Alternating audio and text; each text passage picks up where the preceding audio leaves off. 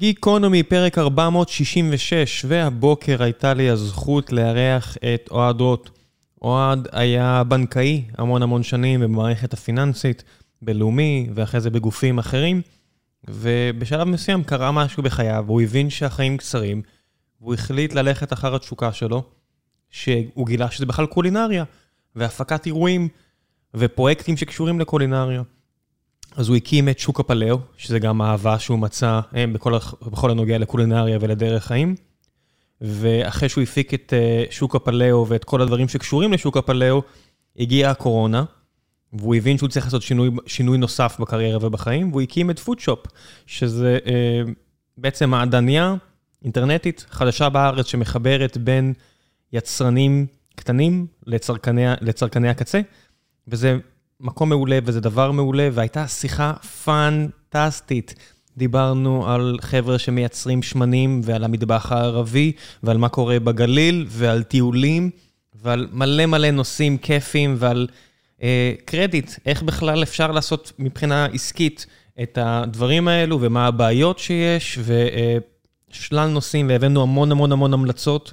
אז בכלל היה פרק כיפי שמאוד מאוד היה לי אה, כיף, מצטער שאני חוזר על המילה הזו כל כך הרבה פעמים, אבל זה מה שזה היה עבורי. ולפני שנגיע לפרק המעולה הזה, אני רוצה לספר לכם על נותני החסות שלנו.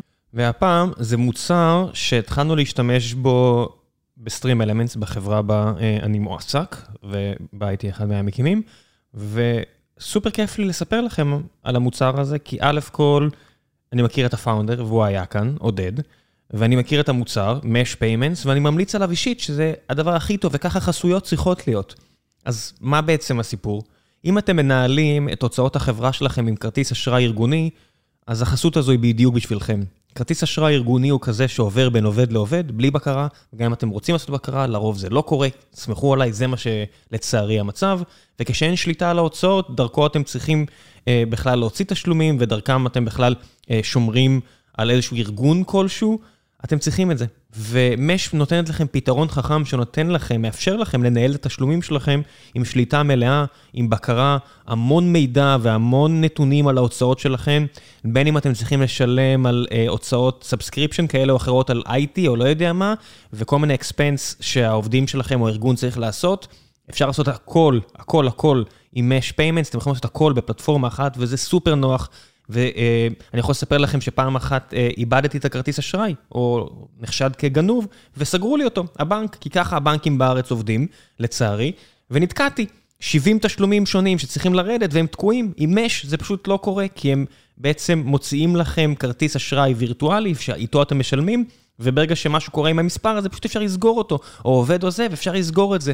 סופר נוח. באמצעות מש אתם יכולים לבצע תשלומים בצורה בטוחה יותר מאשר עם כרטיס אשראי, שכאמור עובד מעובר לעובר. אנחנו uh, בסטרים אלמנטס משתמשים בזה, אז מן הסתם זה החסות הכי טובה שיש מבחינתי, אם אני אומר לכם אם אתם סומכים עליי. אני בדקתי, אני, uh, בעצם אני וכל ארגון הפיננסים אצלנו, שמן הסתם מבינים הרבה יותר ממני. אם תגידו שאתם מגיעים דרך uh, גיקונומי, אפילו תקבלו בונוס מיוחד, וזהו. הם גם עושים כל מיני קשבקים וכל מיני דברים טובים אחרים, דברו איתם, אני אישית ממליץ לכם. ועכשיו, גיקונומי 466 עם אוהד רוט.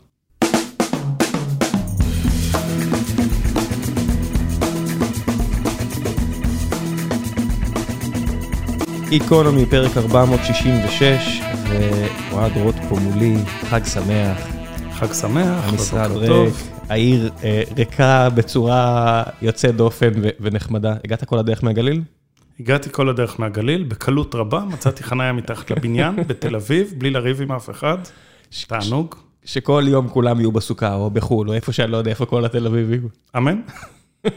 בדיוק סיפרת לי איך שנכנסנו, כי שאלתי איך אני לא טובח בשם שלך כמו שאני עושה פה תדיר לאנשים, אז אמרת לי שהיית עשר שנים בלאומי.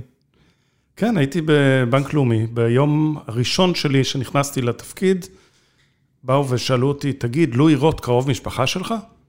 ואני לא יודע מי זה לואי רוט, שהיה יושב ראש ועד העובדים המיתולוגי של בנק לאומי, ושאלתי, רגע, זה טוב או רע? אז אה, צחקו, וגם אני צחקתי, ולא, אני לא קרוב משפחה שלו. כן, בבנק אה, יו"ר ועד העובדים זה פחות או יותר שווה כוח ל... לאחד מהחבר'ה בדירקטוריון הבכירים. לא אגיד שזה המנכ"לית, אבל... אה, הוא היה חזק לא פחות. הוא היה דמות מאוד מאוד צבעונית ומאוד משפיעה. כן. יום אחד אני אני צריך להביא לפה איזה, לבקש מרקפת רוסק, או מישהו כזה, או מישהי כזו שתגיע ונדבר על העניין הזה של ועד עובדים. מה, כי אני פשוט חושב שגם אם הם לא במערכת כמוה, עדיין הם לא יסכימו לדבר על הנושא הזה. אני חושב כמוך בדיוק. ו- היה מאזן. אימה מאוד מאוד רציני. כן, שבפנים, בתוך הבנק, בסדר, הייתי שם בסך הכל שנתיים, ודיברתי איתם על זה לא המון פעמים, אבל מספיק כדי להבין למה הם לא יכלו אף פעם לדבר על זה on the record, אבל הייתי אמור לעשות את הפרק של גיקונומי. הצעתי לה, היא הסכימה, והתנאי היחידי שלה היה שזה לא יהיה on the record. אמרתי לה, מה זה אומר לא on the record? בוא נשים מיקרופון ונעשה אל מול העובדים. נעשה מול מי שעובד שירצה, ונעשה שיחה הכי פתוחה שיש, אבל אי אפשר להקליט את זה. אוקיי. וזה היה, היה אחלה, וזה היה מעניין, אבל ברור לי גם למה זה לא יכול לצאת החוצה. זה, זה, זה גוף שנמצא במלחמה החוצה, במלחמה פנימה, במלחמה נגד בינוניות, במלחמה נגד מצוינות, במלחמה נגד אה, אי הצלחה, נגד שחיתות, זה גוף שנמצא במלחמה והוא כאילו, אתה יודע, בנקאי, אתה אמור להיות הכי רגוע שיש. זה... לי זה היה רגוע מדי, זאת אחת מהרבה סיבות שאני כבר לא שם. כן, אבל כשאתה מסתכל על, ה... על מי שמנהל את הבנקים, הם רוצים להצליח, לא יכולים להצליח, לא רוצים להצליח בשלב מסוים, וזה פשוט, אתה יודע, זה, זה מה שהייתי מת לפרק אותו, ואני פשוט יודע שאי אפשר יהיה לדבר על זה. ישב פה האלוף בריק, והוא מדבר איתי אחרי הפרק, על זה שהרבה אנשים מעודדים אותו, מהמערכת הצבאית שכבר יצאו, ואני אומר, אוקיי, למה אתה היחידי? למה לא כל השאר? הוא אומר, הם מפחדים. ואני אומר, תחילה, זה אנשים ששירתו ביחידות הכי מיוחדות, ירו עליהם כל כך הרבה פעמים, עזוב את זה, הם בפנסיה עכשיו. יש להם פנסיה תקציבית כבר, הכסף שם, ממה הם מפחדים עכשיו? הם לא צריכים לחזור מחר למדים או דברים כאלה, הם מפחדים. הם לא רוצים את כל כאב הראש הזה. זה הרבה כאב ראש? כאב ראש, זה הרבה אחריות. זה ועדי עובדים די חזקים, היום כבר פחות, אבל פעם הם היו מאוד מאוד דומיננטיים.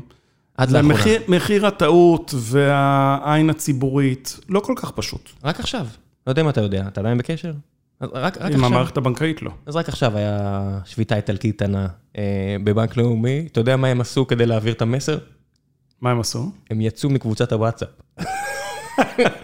אין כמו 2021. טוב, זה קצת שונה מהשביתות של פעם, שפשוט סגרו את הסניפים ושכולם התפוצצו. כן. מה קרה שהפסקת? מה שקרה שהפסקתי זה שאחותי אה, עילית נפצעה מאוד קשה באלסקה, לפני הרבה שנים כבר, והייתה 20 דקות מתה קלינית, מה זה דייג? וזה השפיע, זה היה לפני כמעט 15 שנה כבר. מה היא עשתה דייג? היא, אה, היה לה אה, כריש דם בריאות, שחסם לה את הריאות, גרם לה לדום לב, התפוצץ, עף למוח, סמטוחה שלמה, יצאה מניתוח שהסיכוי לצאת ממנו חיה הוא הרבה הרבה הרבה פחות מ-0.1 אחוז. זה מה שאמרו באלסקה, זה מה שאמרו אחר כך בארץ, שהיא עברה שיקום ארוך בבית לוינשטיין. והבנתי שחיים קצרים מדי כדי לעשות את מה שאני לא מספיק אוהב. וזמן קצר אחרי שחזרתי לארץ, הייתי שבעה שבועות באלסקה עד שיכולנו להביא אותה. אה, זמן די קצר אחר כך אה, התפטרתי, ויצאתי לחפש את עצמי. נשארתי תקופה? בשוק ההון. אנחנו מדברים על אה, 15 שנה אחורה, כן, 15 שנה. הבת שלי הייתה בת שלוש, כן. איך מתחילים מסע למציאת אני חדש? אה, שאלה מעניינת. זה התחיל מזה שהפצתי שמועה במערכת הפיננסית, שאני, אה, אם אני אקבל הצעה מעניינת, אני אה, אעזוב. הודעתי לבנק שאני בודק אפשרויות, ביקשתי תפקיד אחר, אמרו לי לא, ובא גוף פיננסי אחר ושלף אותי כדי שאני אקים לו זרוע לניהול תיקים. הייתה מלחמה מאוד קשה, ניסו, אחרי שהודעתי שאני עוזב, ניסו לה- להשאיר אותי כמעט בכל דרך אפשרית, אה, שכנועים ותפקידים והצעות וסיפורים. אמרתי להם, חבר'ה, מאוחר מדי. ביקשתי, אמרתי שלא טוב לי, ביקשתי לזוז, לא רציתם, התקדמנו הלאה. קלאסי בנק. אז הייתי כמה חודשים בחברה פיננסית, אה, עזבתי שם אחרי שגיליתי אה, דברים שמבחינה, שלא יכולתי להמשיך לעבוד איתם. אה, נולד, אה, אה, נולד הבן שלי, שחר, באותו זמן אימא של אשתי חלתה, ויצאתי לחפש את עצמי. הקמתי אז את המיזם הקולינרי הראשון שלי, שהיה אתר סחר בשם לוינסקי עד הבית. ואתה בתקופה ההיא גר בגליל? אני גר בגליל, כן. זאת אומרת, לא, לא שינית מיקום. לא שיניתי מיקום. כחלק מהמשבר מציאות הזה. לא שיניתי מיקום. אני אוהב את הגליל, טוב לי בגליל, ההורים שלי גרים בגליל, אחותי גרה בגליל, לא עילית אלא מיכל. זה המקום שלי, טוב לי שם. ברגע שאתה יוצא מהתלם, נורא קל לצאת שוב. זאת אומרת, פעם אחת החלטת שמה שקורה זה לא הגיוני שאתה עושה משהו שאתה לא אוהב, פעם שנייה לעזוב, כשאתה רואה בעיות מוסריות זה הרבה יותר קל נראה לי. נכון, בהחלט נכון. כן, אני רואה את זה על הרבה אנשים שעושים שינוי כזה, ואז הפעם השנייה שאתה מגיע, ופתאום אתה רואה מה שלא מפריע לך, מי, לא יודע מה, בינוניות, היעדר חדוות יצירה, לבעיות מוסריות, פתאום אתה אומר, לא, לא, לא, אין שום סיכוי. אז ראיתי בעיה מוסרית, ב-4 אחרי הצהריים, למחרת ב-8 בבוקר המפתחות היו על השולחן. בעל החברה עוד הציע לי, הוא, הוא עמד לפתוח כמה קרנות נאמנות והציע לי להיות מנכ"ל קרנות הנאמנות החדשות. זה קפיצת מדרגה, תפקיד חשוב בשוק ההון. אמרתי לו, אדוני, אנחנו לא נעבוד ביחד. הסתובבתי ויצאתי. הקפיצה הזו שעשית לקולינריה, היא, היא הרי לא מגיעה משום מקום. ואתה נמצא בגליל, מוקף בכל מיני אה, יצרנים כאלה ואחרים שמייצרים דברים נהדרים, אבל לא מצליחים למכור אותם כמו שראוי שמוצרים כאלה יימכרו. איך, איך הדבר הזה מתבשל אצלך? דבר התחיל בעצם דרך אה, אתר שהיה לי לוינסקי עד הבית, שהיה שילוב של מוצרים שהבאתי מהגליל, באמת של יצרנים קטנים מקומיים ושל אה, אה, יצרנים וספקים משוק לוינסקי. אנחנו מדברים אה, תשע שנים אחורה. זו תקופה שהאינטרנט היה פחות אה, יעיל, פחות אה, אתרי סחר, אנשים פח, פחדו לקנות, כל העניין הלוגיסטי היה מורכב יותר. הייתי במשא ומתן אז עם, עם וואלה. כמו שיש וואלה שופס, הגעתי לדירקטוריון והצעתי להם להקים אתר משותף שיקרא וואלה שוק. והסברתי להם מה ההיגיון הכלכלי ולמה, אני כלכלן. יש לי תואר ראשון בכלכלה ושני במנהל עסקים. פתחתי את הדוחות הכספיים שלהם, אמרתי להם, חבר'ה, אין לכם אף מנוע צמיחה. אה, גרופון עומדת להיכנס לארץ, המנוע היחיד בעצם שיש לכם הולך להיפגע בצורה מאוד מאוד קשה, אין לכם איך להתחדש, בואו נעשה משהו אחר.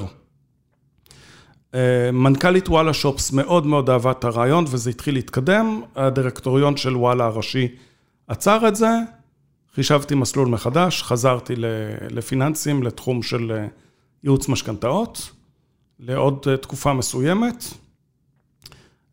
ואז הגעתי לשוק הפלאו. רגע, כל הזמן הזה אתה עדיין עם החבר'ה של לוינסקי, עם התמרים, עם האגוזים, עם כל הדברים האלו, שומר איתם על קשר, רואה את המאמצים? לוינסקי עד הבית עבד שבעה חודשים. הוא נעצר לא בגלל שהוא לא הצליח, המיזם הצליח, אבל כדי לקפוץ עוד מדרגה הייתי צריך משקיע. הייתי צריך הון חוזר. כי בעלי עסקים נותנים לך אובליגו עד סכום מסוים, אומרים לך, אוקיי, יש לך קרדיט עד X, אבל אם אתה צריך יותר מזה, וככל שהנפח גדל, דווקא אתה נכנס לאיזושהי צרה, כי מצד אחד אתה רווחי, מצד שני הנזילות הורגת אותך. תסביר למה.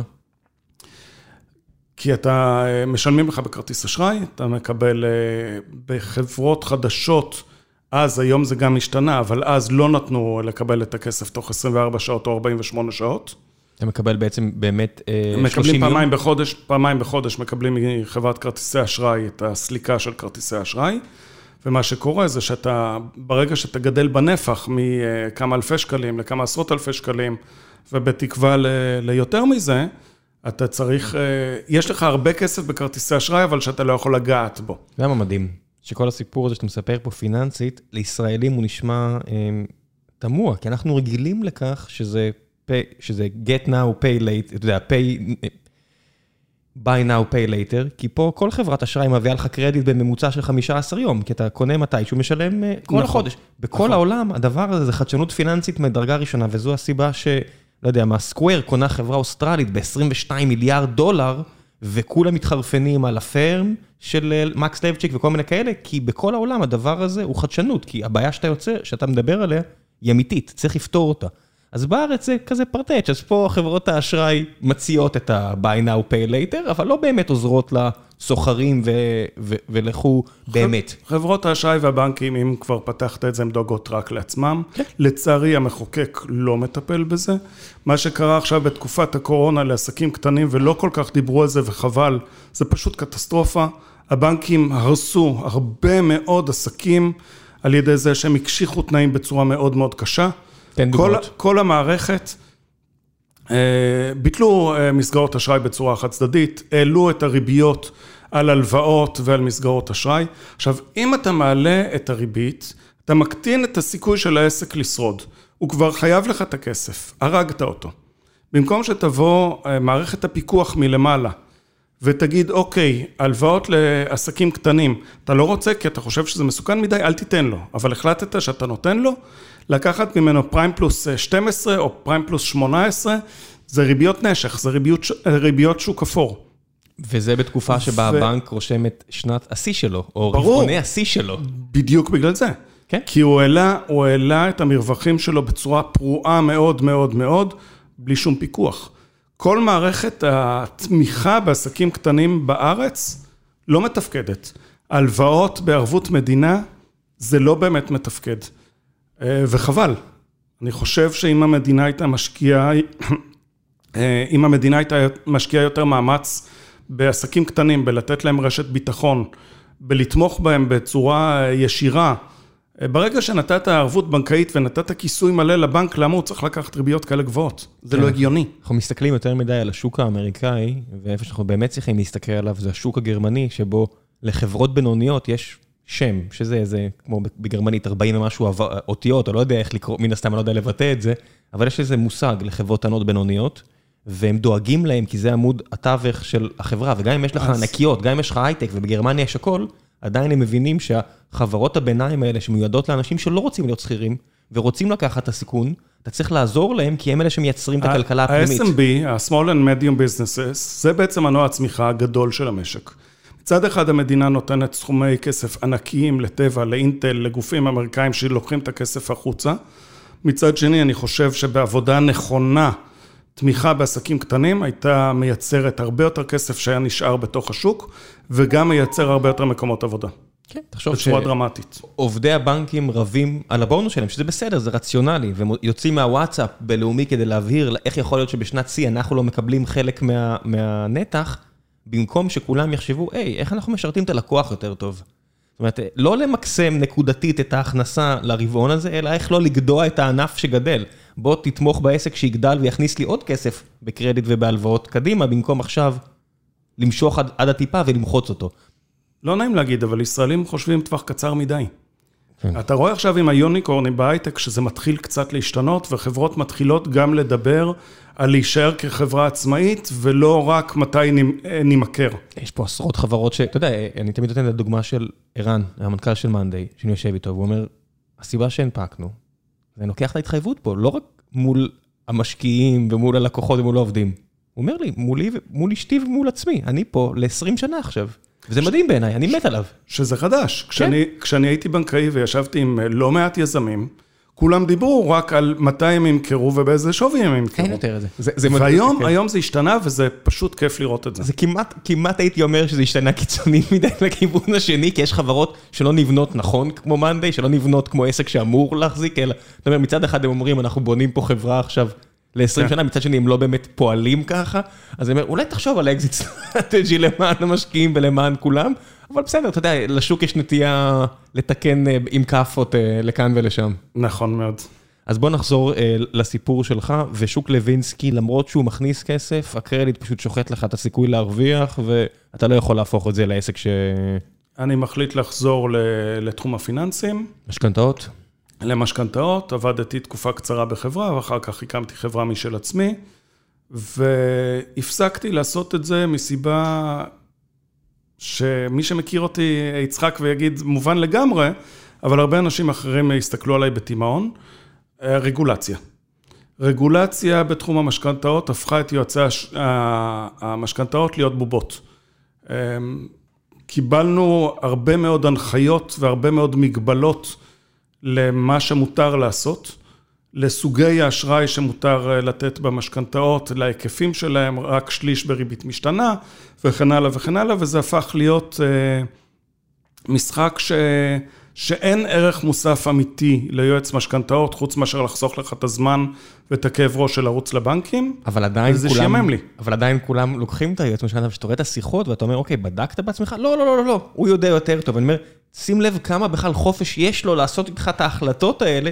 אני לא אומר, אל תיקחו, כן? חס וחלילה, מי שלא, זה ברור, תיקחו ב-5,000 שקל, או לא יודע כמה, אתם כנראה תחסכו הרבה יותר, כנראה, אבל כמות הערך ירדה בצורה... הערך מאוד נשחק, אני הרגשתי שאני אה, מתחיל כמו תוכי לעשות את אותו מבנה כמעט לכל בן אדם, ומהר מאוד הבנתי שזה לא זה. במקביל הרגשתי פיזית לא כל כך טוב עם עצמי. הרגשתי קצת אה, שמן מדי ולא לא טוב פיזית, ונתקלתי בפלאו במקרה בחדשות בטלוויזיה, כתבה מאוד צהובה, מאוד, אה, שמגחכת את כל הנושא הזה של פלאו. אה, דווקא באה בכיוון שלילי? כן, הייתה תוכנית שהראו כמה אנשים מהפלאו בצורה של, של איכס, שנכנס לאטליז בשוק הכרמל בתל אביב ומבקש ארבעה קילו שומן וכל מיני כאלה, וטלוויזיה כמו טלוויזיה, רוצה להראות את הקיצוניות של הדברים. אבל זה היה נראה לי מעניין.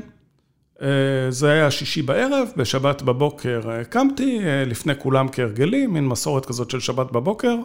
זה השעות השקטות שאני, יש לי זמן לעשות כל מיני דברים לגמרי לגמרי בשקט. טוב, הילדים שלך כבר גדולים יותר, זה לא ש... היום הם כבר יותר גדולים, אבל כן. אז הם היו פחות. ופתחתי את האינטרנט וחיפשתי חומר על פלאו, בהתחלה בעברית, ולא מצאתי כמעט כלום. פשוט אין, לא היה חומר כתוב בעברית. 2014? 2015?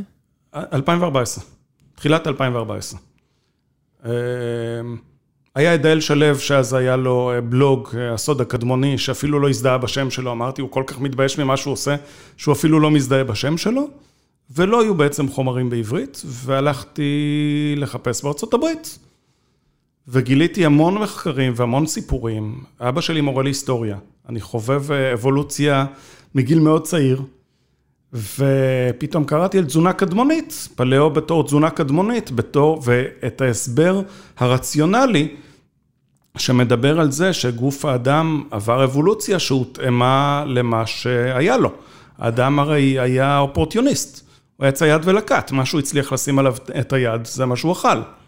שלב הבא, אה, מציאת האש, התחלת צליית בשר, הגידול במוח האנושי, שגרם לתרומה של אה, הרבה מאוד סקילס, של יכולות, של יכולות ציד, של יכולות שימור, אה, וזה עשה לי המון היגיון, שבעצם שינוי אבולוציוני לוקח הרבה זמן, והחקלאות, שהיא כ-11 אלף שנה, מאוד צעירה, וזה לגמרי טבעי שאנחנו חלק גדול מהדברים לא יודעים להקל, לא יודעים לפרק.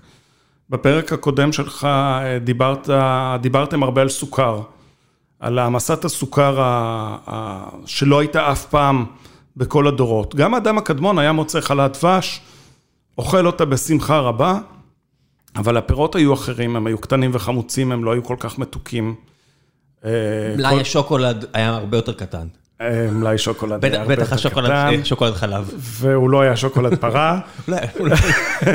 לא היה.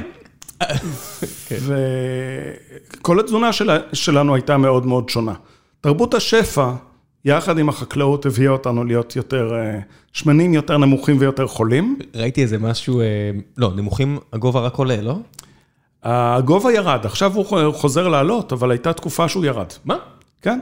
איך הגובה ירד? מתי הגובה? אני, אני מכיר רק, אתה יודע, שהדוגמה הכי טובה זה בני עדות המזרח שהגיעו אה, שנות ה-50 לישראל, ואז זינוק מטורף בגובה הממוצע של אה, חבר'ה שהתחתנו גם, אתה יודע, אתה יודע, אצלנו כל הילדים, שלושת האחים אה, נישואים עם עיראקיות או תימניות או לא יודע מה אצלנו, אז, אבל אם רואים כאלה שהם נשארו נכון מזרחים, זה נכון הקפיצה ענקית. זה נכון למאה, 150 שנה האחרונות. אבל אם תלך יותר אחורה, אה, האדם דווקא הצטמק. מה, בתקופה של, שלא אכלו אותו? בתקופה, בתקופה הנאוליתית, בתקופה של החקלאות המוקדמת, אה, האדם הצטמק, היכולות שלו הצטמקו, אה, אם זה נושא בריאות השיניים, האדם הקדמון, גם שלדים עתיקים מאוד שמוצאים, אין בעיות שיניים. טוב, סוכר. אבל יש המון אה, מחלות מודרניות שהן אה, פחמימות וסוכרים. ראיתי איזה נתון. גם. החיטה היום זה לא החיטה של לפני 11,000 שנה כן. שהתחילו לאסוף אותה. אנומרל פה דיבר על הדורום הקודמוני והכל, אבל... אה, ועל כמויות הגלוטן שמוסיפים והורסים את מה שאנחנו מנסים לאכול. ראיתי איזשהו משהו שהרפואה המודרנית פותרת איזה, לא יודע מה, 15% מהמחלות שפעם באמת היו הורגות אותך, ושאר ה-85% זה כדי לפתור את הבעיות שנוצרות בגלל האורך חיים המודרני. שאתה יודע שזה היעדר ויט- ויטמין D, התזונה הלקויה, היעדר פעילות ספורטיבית, הסטרס, כל הדברים האלה, אתה יודע שכל הרפואה המודרנית פותרת בעיות שאורך החיים המודרני יוצר. אנחנו חיים יותר שנים, אה, מרגע גילוי, גילוי הפניצילין, אורך החיים הממוצע הולך ועולה, אבל איכות החיים לא. המון מחלות מודרניות, אה, אם זה סטרס, גם פעם היה סטרס, אבל מסיבות אחרות, אבל כן. אה, עודף סטרס, והסינדרום המטאבולי, ויתר לחץ דם, ושבצים, וסרטנים, זה מחלות מודרניות, אה, מתזונה לקויה, מאוד כל מיני דברים, אבל בעיקר, בעיקר מתזונה.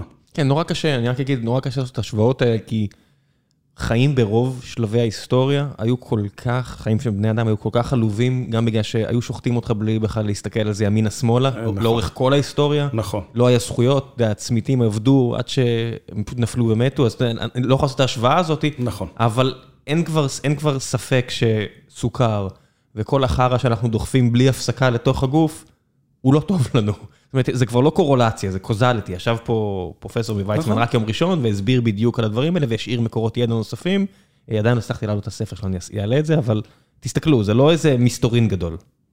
כן, אז uh, מה שבעצם קרה איתי זה שגיליתי את הנושא הזה של פלאו, החלטתי שאני מנסה את זה על עצמי בלי יותר מדי הצהרות, וביום שהחלטתי את זה, באותו ערב הייתי בכרמיאל, ואשתי התקשרה, תביא משהו לאכול, אין שום דבר בבית. הבאתי מגש פיצה, אכלתי חצי, אה, גירדתי בראש, הרגשתי מאוד טמבל, ולמחרת התחלתי פלאו בצורה מסודרת, והרגשתי שזה עושה לי מאוד מאוד טוב. באפריל 2014 היה כנס הפלאו הגדול, יש קבוצת אה, פייסבוק, אה, אה, פלאו הגרסה הלא מצונזרת, שהפכה להיות מאוד מצונזרת, אבל לא חשוב. טבעם של בני אדם, פוליטיקה, כן. ועשו כנס בפארק הירקון, כל אחד הביא משהו לאכול, הכנס הכי גדול, הגיעו 80 איש, אבל לכולם היה ברק בעיניים, ולכולם הייתה, היה ממש חשמל באוויר, והחלטתי שנורא בא לי, והחלטתי שאני מארגן שוק, שוק שיהיה מדורת השבט, יהיה מפגש ליצרנים, לאנשי הקהילה, שיכירו ושיפגשו אחד את השני, לא רק במרחב הווירטואלי, והשוק הפלאו הראשון בעידן החדש אה, התקיים ביולי 2014 במשתלת שתיל ברמת השרון, פה לאוזן אה, פייסבוק, לא שום פרסומים אה, מעבר לזה. אמצע צוק איתן, בתחילת אותו שבוע נהרג בן של שכנים בנגמ"ש המקולל בעזה, עוז מנדלוביץ', ותחושה מחורבנת בציבור, והתלבטתי מה עושים. ואשתי אמרה לי, תשמע, לא יבואו אנשים, כולם בדיכאון, כולם זה, וזה לא זמן לחגיגות. אמרתי לה, אבל זה לא חגיגה, זה שוק, אנשים צריכים לאכול. בוא נשאל את הקהילה. ושאלתי את הקהילה ואמרו, בטח, בטח, בטח, רוצים לבוא. שוק הכרמל פתוח, שוק מחנה יהודה פתוח, תפתח גם. ופתחתי, והגיעו 2,500-3,000 איש.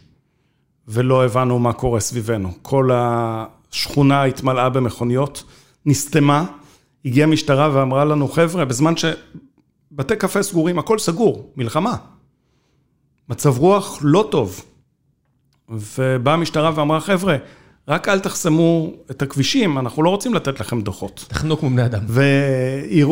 ועירות מעל הראש, ואזעקה, וכולם עומדים עם הטלפונים לצלם את העירות מעל הראש שלנו ומוחאים כפיים, סוריאליסטי לחלוטין. ישראל. אה, כלכליסט אה, נתנו כותרת, אה, בשרים נגד טילים, בכתבת שער שהייתה על האירוע. והבאתי את גיא פינס לסקר את זה, כתבתי לנועה רוזין הודעה בפייסבוק, כמו ישראלי חצוף שמנסה, מה מקסימום היא תגיד לי לא.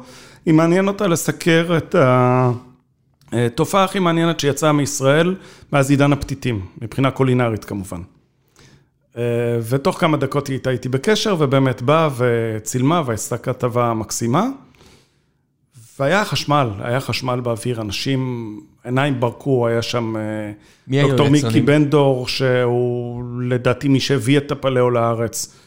גם מי שיהיה לך מאוד מעניין לדבר איתו על אה, אבולוציה ועל מחקר, הוא עושה דוקטורט עכשיו על נושא של תזונה פרימיטיבית, אה, והוא איש מהמם.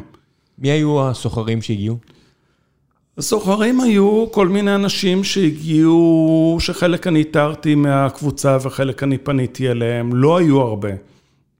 היו uh, המזווה מפרדס חנה כרכור, שאז היו עסק קטן, קטן, קטן, אני מת עליהם. שבקושי, uh, כן, בקושי התקיים, והיה אלי גור, שהיום נקרא אדמו"ר מגור, ונחשב למומחה בשר, uh, בין הגדולים בקהילת הבשר בארץ, ובא לעשן uh, חזות אווז. והייתה שלומקה, שזה סיפור אה, מצחיק, באותו שבועיים לפני השוק, יום שישי, ארבע אחרי הצהריים, אני מקבל הודעה. במסנג'ר, אהלן אוהד, קוראים לי אבי, אני מהקהילה. אה, אשתי עושה דברים לקהילה, אה, אה, גרנולות וכל מיני מוצרי מאפה, ותדבר איתה. והתחל... אשתי והילדים היו בבריכה, רציתי לה- להקליד לו, תשמע, כבר מאוחר, ואני לא אספיק לבדוק, ואני לא פה ואני לא שם, אבל התעצלתי להקליד את זה, אז הרמתי טלפון, ותוך שנייה הוא העביר אותי לאשתו, אה, ששמעתי את החיוך שלה מרחוק מאוד דרך הטלפון, ואהלן אוהד, ואני עושה ככה ואני עושה ככה, ובוא ניפגש. אמרתי לה, מעולה, אני ביום ראשון בתל אביב, בואי ניפגש. ראשון לא טוב לי, יש לי תוכניות, בואו נעשה שלישי. אמרתי לה, יאללה, בסדר. מה שלא ידעתי אז וגיליתי רק שנה אחר כך, זה שהיא רצה לקנות חומרים ותבניות ודברים, כי לא היה לה. ונפגשנו ברוטשילד. עם, עם, עם חיוך גדול, כל מיני ברים אה, מפירות מיובשים ו- ואגוזים ושקדים. אה, והיא בעצם נולדה יחד עם שוק הפלאו, והיא עושה היום אה, אה, עוגות וקינוחים, גם קיטו וגם פלאו מדהימים. אה, תבלינים של הילד נולד שוק אחד אחר כך. גם מטלפון, אה, אהלן אוהד, ראיתי שפרסמת בקבוצה שאתה מחפש אה, עובדים, יש לך משהו להציע לי? אז אמרתי לה שאני מחפש אגוזים ותבלינים, אם משהו מזה מדבר אליה. אז היא אמרה לי, דווקא תבלינים כן, שכן שלי הוא מנהל השיווק של נווה תבלין, האם זה יכול לעבוד? והיום היא מנהלת עסק משגשג ונפלא ומפרנסת כמה משפחות, ופשוט כיף לראות. זה היה מדהים. ישבתי בתקופה הזאת ממש, באותה שנה, אה, ביום שאתם עשיתם את זה, והסתכלתי מהצד על מה שאתם עושים עם אה, דניאל אה, לוביצקי. אתה יודע מי זה? הוא איזה יזם יהודי מקסיקני, שהגיע ארצה וחיפש את עצמו. הוא מספר לי את זה, והוא גר על... בתל אביב, לא משנה, אני לא יודע את הכתובת המדויקת, כי אני זוכר אותה. והוא מחפש את עצמו, הוא לא יודע מה לעשות. מחפש את עצמו בחיים. והוא נזכר בזה שהוא האיש מכירות והוא צריך, אה, והוא גם, אותו דברים, אותם, אותם סיפורים, והוא צריך משהו בריא יותר, נמאס לו מהחרא, והוא עובר ממקום למקום, והוא צריך את האנרגיה, והוא מייצר אה, בר, כאילו חטיף, Mm. ב- מאגוזים טריים ובלי שטויות, והוא קורא לזה KIND bar, ולא הרבה שנים עברו, וזה הפך להיות המוצר הכי נמכר ב- באמזון. זאת אומרת, זו אימפריה, לעניות דעתי, של מיליארד דולר צפונה, מדהים. וזה נוצר פה. לא רחוק מפה בתל אביב, שהוא פשוט הסתובב, הכין את הכל, קנה את המצרכים, עשה את הכל, וזה זה מוצר משוגע בעולם. אני, חושב שכבר מוכרים אותו בארץ בשלב הזה, בכל מיני אה, פיצוציות, נורא יקר, כי זה עשו רק כן. מאגוזים אה, טובים, כמו שהם מייצרים, אה, כמו שאתה מגיע לשוק הפלאו ואתה רואה מוצרים, ואתה רואה שעם שיווק נכון, ועם עבודה נכונה, ועם אנשים כמוך, זה אשכרה יכול, כי זה מוצרים מעולים בסופו של דבר. אתה יודע, אותה גברת, זה באותו מידה יכול להפוך לסיפור הצלחה ענק, עם תשוקה כזו. נכון. נכון, ויש כמה חבר'ה מהפלאו שהצליחו מאוד יפה, המזווה היא דוגמה קלאסית להצלחה פנומנלית, גם איילת, כמה כבר סניפים יש להם? המזווה ארבעה לדעתי. אני מכיר את ה... באי תנועה הזה בהרצליה, אנחנו מגיעים לשם בערך פעם בחודש, אני כל כך אוהב את החבר'ה האלה. אה, הכל ב good vibe. זה- זה- וזה עסק טוב, זה נראה עסק שעובד טוב מהצד. זה גם לפי ההתרשמות שלי העסק עובד מצוין, וזה פשוט כיף לראות אותם, מתפתחים מאוד מאוד יפה. אה, באמת, תענוג. תיצרו איתם קשר, באמת, אם אתם באזור, תלכו לבקר אותם באיזה שישי בצהריים אחרי הגנים, או לא יודע מה אתם עושים עם המשפחה שלכם, זה, אם אתם אוהבים בשר וגבינות, כן? זה לא, זה לא זול, זה לא מוצרים זולים, אני מבין את זה, אבל זה, זה פשוט דברים פנטסטיים. זה, הרבה פעמים אה, מדברים על זה שלחיות פלאו או לחיות קיטו מאוד יקר. אה, זאת קצת אקסיומה, כי מצד אחד, נכון, המוצרים בפני עצמם הם יותר יקרים, מצד שני זה תלוי כמה צורכים ואיך צורכים, ובסוף מלקנות אה, זבל, זה עולה המון כסף. ואתה אוכל המון, כי אתה כל הזמן רעב, כי כן. כל הזמן יש לך קפיצות אינסולין, וחסר לך, חסר לך סוכר, אז אתה אוכל עוד. בסוף אתה מוציא המון כסף, אני לא מדבר על כסף על תרופות ועל אובדן ימי עבודה לא, לא ודברים לא, כאלה. אנחנו מדברים פה נטו... אני מדבר נטו על אוכל. גם נטו על אוכל, אפשר לאכול אה, אה, חלקים אחוריים, מי שלא שומר כשרות, וחלקי פנים, ולא צריך לאכול אנטריקוטים כל היום. אני כמעט לא אוכל אנטריקוטים. כשאני עושה אירועים מפעם לפעם שמשכנעים אותי לעשות אירוע ולהיות אה, שר הבשר, אז אני בדרך כלל מביא אנטריקוטים, כי ישראלים מאוד אוהבים אנטריקוטים. אצלכם, אתה יודע. אבל אני מבחינתי, תן לי אסדו טוב, יום שישי מיכל אחותי חוגגת 50, ואני הולך להיות שר הבשר. הסאדו כבר אצלי, והוא יעבור עישון של 12 שעות. מבחינתי יותר טעים מכל אנטריקוט. אתה מכיר את החבר'ה פה מתחת, למשרד? בוודאי. את B12? בוודאי. זה, זה המוסד, אני מודה, האהוב עליי מלבד קרנבל של בשר של גילי ואוהד, שזה כבר משהו אחר מבחינתי, אה, כי הם חברים, אבל... גילי ואוהד עושים בעיניי בתחום הזה, ובלי להעליב אף אחד, את העבודה הכי טובה בארץ. אני חושב ש...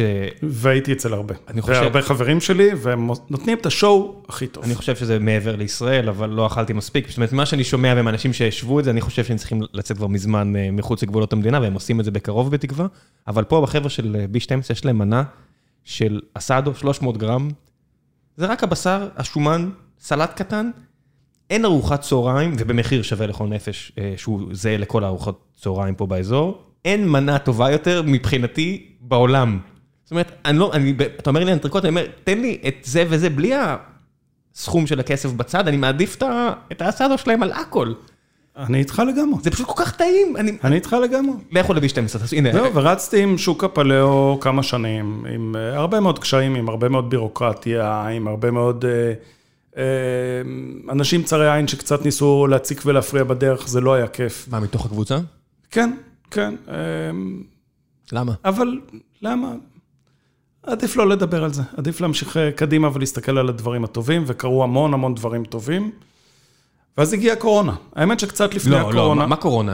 בין לבין מתישהו עברתם לתחנה, אני מגיע כל הייתי, חודש לשם. הייתי מה... במתחם התחנה בתל אביב תקופה ארוכה. מתי זה קרה? ובמתחם התחנה בירושלים, ובריבוק אה, מדרן בתל אביב, ובעמק חפר, ו... טיילתי בהרבה מאוד מקומות עם, אה, עם שוק הפלאו והיה כיף גדול. זה הפך להיות הפנינג שאתה יודע, אני, אני ואשתי, זה היה הכיף הגדול שלנו של שישי בצהריים, אני חושב, או משהו כזה, אם אני זוכר נכון. שישי בצהריים במתחם התחנה, כן? היינו מביאים בין 9,000 ל-10,000 איש קליקר, מדידה בקליקר. כן, זה היה מקום מעולה. במתחם שהוא מתחם מת. והייתי נורא שמח לעבוד שם. אבל קרה מה שקורה בהרבה מקומות בארץ, לצערי, אני אומר את זה בכאב לב גדול. העלו את הדרישות לצורה שכיזם, בלי גב כלכלי, בלי חברה אה, אה, עסקית שתומכת מאחורה, לא יכול לממן את זה. עכשיו, יש אנשים שמקרובים לצלחת, שמצליחים לקבל תמיכות מהעירייה ומכל מיני גופים אחרים. אני לצערי פחות טוב בפוליטיקה מהסוג הזה, ולא יודע אה, להביא גופים כאלה שיעזרו לי. כן הייתה אליי פנייה מגוף גדול מאוד מאוד מאוד, אבל זה הרגיש לי קצת כמו למכור את נפשי לשטן, וזה לא התאים ל... לה... לא לקהילה ולא לי, ואומנם אשתי לא הייתה מבסוטית וגם לא מנהלת הבנק, אבל ויתרתי על זה. מתי זה נגמר? בתחנה עזבתי לפני 2018 או 2019, ועברתי למנזר לטרון. עברתי למתחם שמתחת למנזר, יש שם מגרש חניה גדול, מטע זיתים. אה, הגעתי לשם דרך אדם קסיס, אה, ידידי הטוב שהוא היינן של המנזר, וזאת הייתה חוויה אדירה. זה היה מאוד מאוד קשה טכנית, כי תנאי השטח היו קשים. צריך להביא משאית עם גנרטור, ולהביא המון ציוד, ומבחינה טכנית זה היה קשה, אבל היה שם משהו קסום. להיות בין עצי הזית, לשמוע את הפעמון של הכנסייה מצלצל, עשינו סיורים בכנסייה. אה, ללא תשלום, כחלק מקירוב לבבות ומלהכיר דברים אחרים. וזה היה כיף ענק, כי כל מי שהגיע לשם זה אנשים שבאו במיוחד. זה לא אנשים, אה, תיירי יום שעברו, ראו הפנינג, נכנסו, טעמו, לא טעמו. זה היו באמת אנשים שבאו במיוחד, וזה היה מאוד מיוחד. גם ישנתי במנזר, אה, בחדרים של הצליינים. מצאתי את עצמי קופץ לאוטו של ראש המנזר, האב פול שלקח אותי לסיור בכרמים של שעה וחצי, והאח שהוא הטבח מכין לי ארוחת ערב, ויושב ואוכל איתי אה, עם בקבוק יין, וחוויות מאוד מאוד מיוחדות. ואז אתה נכנס לחדר קטנטן, ישו הצלוב מסתכל עליך מלמעלה, מיטת סוכנות קטנה מברזל, ארון קטן, מנורת קיר, זהו, דף עם, אה, עם התפילות, ארבע בבוקר, צלצול ראשון של הפעמון של הכנסייה. חוויה אדירה. שמע, לחיות כמו נזיר זה, זה לא אומר, בביטוי, זה לא אומר לחיות כמו אה, החבר'ה בבלגיה שהם שמנים ומלאים בבירה הכי טובה בעולם שהם מכינים. לחיות כמו נזיר זה, זה מה שאתה מתאר פה. אז אני יכול להגיד לך, לא נעים להגיד, אבל הם... האוכל שלו היה נורא לא טעים, וזו עדיין אחת הארוחות הכי כיפיות שהיו לי בחיים. ברור. Uh, היין של הטרון, אגב, היה ידוע כיין מאוד לא טוב במשך המון שנים. עד שהגיע לשם אדם, שהוא בחור אה, צעיר מבירזט, פלסטיני, שהגיע לשם כי המשפחה שלו עשתה שם יין, והנזירים אה, טעמו את היין שלו ומאוד מאוד אהבו אותו, והציעו לו את התפקיד במקום הצרפתי שהיה מגיע פעמיים בשנה לארץ, ושלחו אותו לצ'ילה ללמוד ייננות. והוא חי היום במנזר, ועושה, חוץ מיין שהולך ומשתבח, עושה גם יין שלו. מכרמים שלו בשטחים, שהוא מכניס את הענבים לארץ ועושה יין, הוא עושה יין מדבוקי, שהוא זן ענבים אה, עתיק שכמעט אה, נכחד. מה זה, מאזור חברון? מאזור חברון, כן. בוודאי, כן. אה, חברון, בירזט, הרי רמאללה, כל האזור הזה.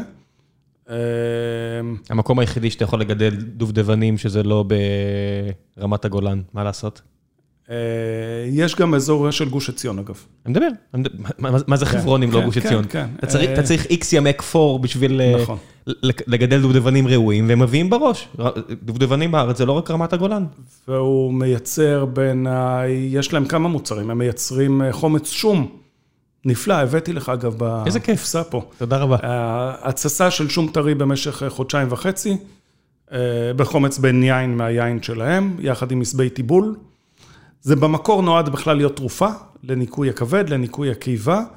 מבחינה קולינרית, מדהים, הוא מאוד מאוד עדין.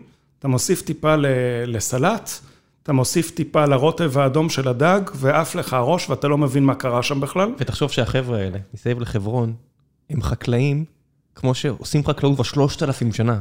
תחשוב שיש פה אנשים שמטיילים בכל העולם, ומחפשים, אתה יודע, אני הגעתי לווייטנאם ואתה רואה אותם חורשים את השדות אורז, ואתה אומר, וואו, איזה אותנטי, ואתה הולך שם ואתה מטייל, והייתי שם חצי שנה וידה ידה.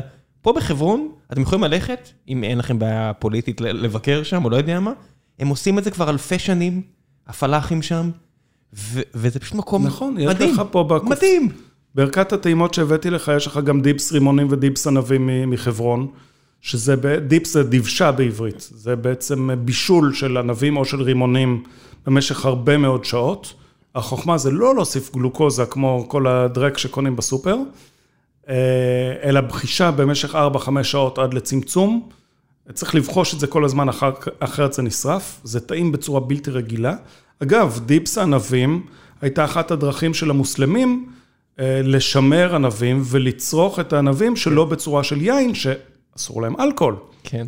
אה, אלא אם כן אתה עלאווי, שזה סיפור אחר. איך אתה כתוב, אה, זה לא ייאמן, הקטע הזה של... אבל את הדיפס כן. ענבים הם היו מועלים במים ושותים בעצם סוג של תירוש, כן. אה, כתחליף יין.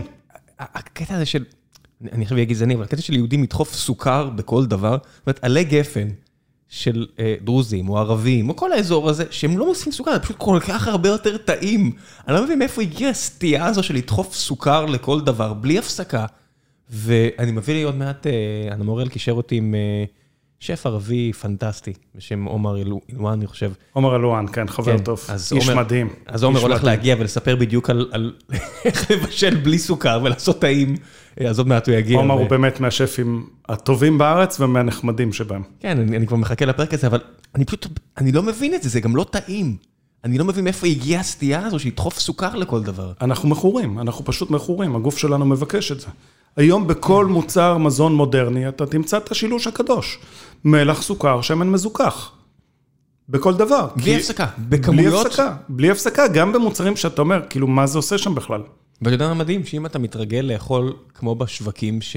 ובמסיבות אה, הקולינריות האלה שאתה מארגן, ותכף נדבר על המיזם האחרון, אתה רק צריך להתרגל לחיות ככה כמה חודשים, ופתאום פיצה תעשה לך מאוד רע, ו... ועלי גפן מהסופר, אני לא, אני לא אצליח לאכול את זה, ואני לא בן אדם בררן, זה פשוט יהיה לי מגעיל.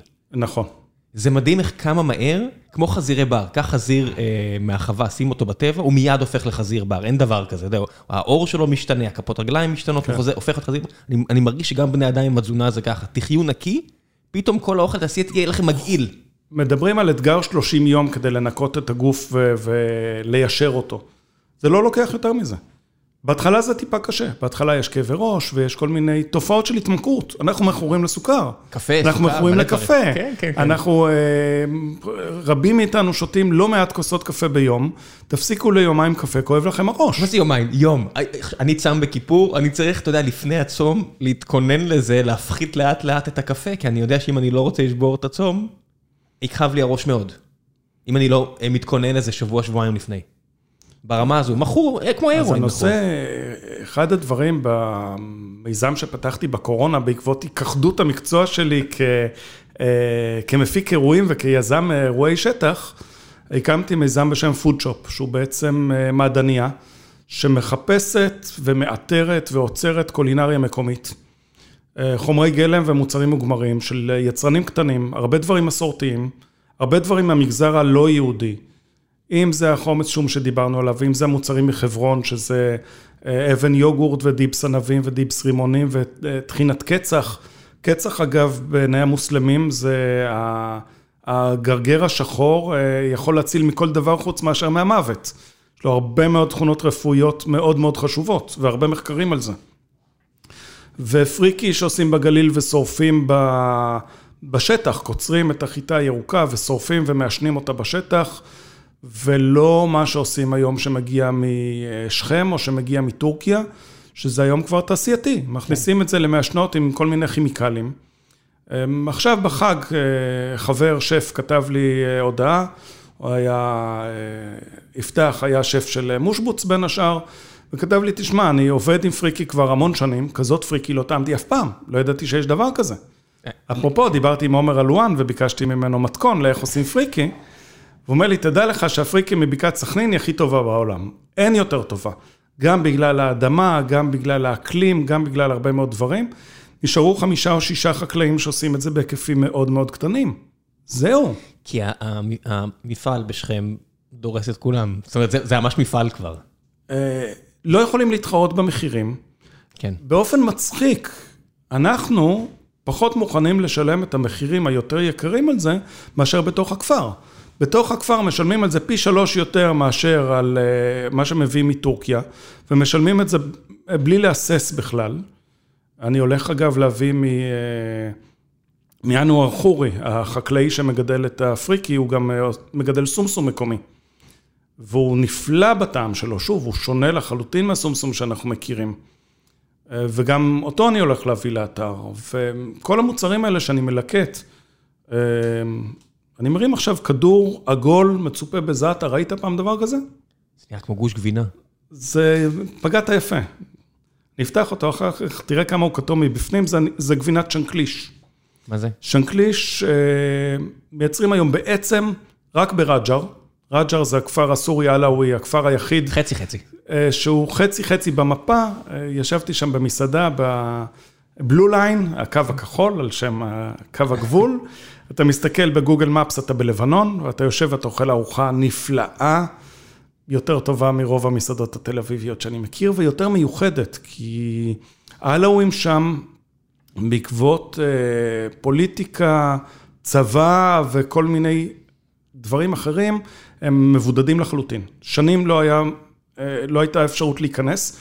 גם היום צריך לשלוח מראש תעודת זהות, לבדוק שאין לך רישום פלילי, לבקש שמישהו מהכפר יזמין אותך ויבקש שתבוא. מול מי מסובך טיפה להיכנס. מול מי אתה עושה את כל הבירוקרטיה הזו? ברג'ר מולה שם פ- אה, פטאלי, שהוא הבן של, אה, של המוכתר, של ראש הכפר. מבחינת אה, ישראל אין בעיה. מבחינת ישראל הוא מעביר את השם, תעודת זהות, כתובת למשטרה, והם מאשרים להיכנס, ואז אתה צריך להפקיד תעודת זהות בכניסה ולקבל מספר, ואתה צריך לצאת שם לפני שש בערב, טיפה מורכב. המטבח שלהם מאוד מאוד שונה. אנחנו תכף נדבר על מה זה קולינריה מקומית בכלל, אבל המטבח שלהם אה, מאוד שונה, הוא מאוד שמר על צביון אה, של מטבח סורי עלאווי, שהוא שונה מהמטבח השאמי שמקיף אותנו מסביב. הרבה מאוד אה, מוצרי מזון שלא ראיתי אף פעם, לא שמעתי עליהם אף פעם. שנקליש זה בעצם גבינה קשה, מיובשת, מתובלת okay. מאוד. לפני שאתה מספר מה זה שנקליש, אני יוצר פה ציפייה, דבר המפרסם. היי חבר'ה, לפני שנחזור לפרק הזה עם אוהד, שאני כל כך נהנה להקליט, אני רוצה לספר לכם על נותני החסות הנוספים שלנו, והפעם זו עוד חברה שאני ממליץ לכם אישית כי אני משתמש במוצרים שלהם, חברת 2-Seat, 2 Seat, C-O-I-L, 2-Seat מוכרים ציוד למשרד, וזה אומר פתרונות אה, מבחינת כיסאות, שולחנות, כל הריהוט שאתם צריכים למשרד שלכם. וזה לא משנה אם uh, אתם צריכים עכשיו לרהט משרד של 100 עובדים, או אם מדובר על משרד ביתי. עכשיו אתם בגלל הקורונה, או בגלל כל הצורה הזאת שהעולם מתקדם, אתם צריכים עכשיו uh, להרים לעצמכם משרד, לעבוד בבית. סמכו עליי, אין דבר יותר חשוב, באמת, מאשר כיסא טוב. זה לא ייאמן כמה אנשים מזלזלים בבחירה הזו, ומזמינים כיסא מהאינטרנט, כי הם קראו איזה ביקורת וחצי, במקום ללכת, לשבת, לבחון מה מתאים לכם, כי הגב שלך זה לא כמו הגב שלך, וזה מה יש, וצריך למצוא את הכיסא הנכון. האנשים הטובים בטוסיט, שאולם התצוגה הענק והמפואר שלהם נמצא מול קניון איילון בבני ברק, תגיעו לשם, אני סומך עליהם אישית, אני קונה שם את הכיסאות הביתה, אה, קנינו חלק מהכיסאות לעובדים שם, מחירים מעולים, אתם תקבלו גם הנחה מיוחדת מאוד מאוד משמעותית על הכיסא הראשון שתקנו שם, אם תגידו שהגעתם דרך גיקונומי. יש שם כיסאות מחשב, כיסאות מנהלים, את כל הדברים הטובים. אה, זו חברה שאני מת עליה, כי הם מייצרים בארץ וגם מייבאים, כל מה, תלוי במוצר עצמו, אבל הם מייצרים המון המון המון במפעל הענק שהם הקימו פה. אנשים שבנו את, ה, את האימפריה הקטנה הזו בעשר אצבעותיהם. יש שם ריהוט משרדי, כיסאות משרדיים, פינות המתנה, אנשים טובים, מחירים מנצחים, לכו. טו סיט, אני אשאיר לכם את הלינק, ועכשיו בחזרה לגיקונומי 466, מקווה שאתם נהנים. יצרתי ציפייה וחזרנו עכשיו לשמוע מה זה שנקליש, מצטער. מעולה, ציפייה זה טוב, זה כן. גם האוכל יותר טעים שמחכים לו. לגמרי.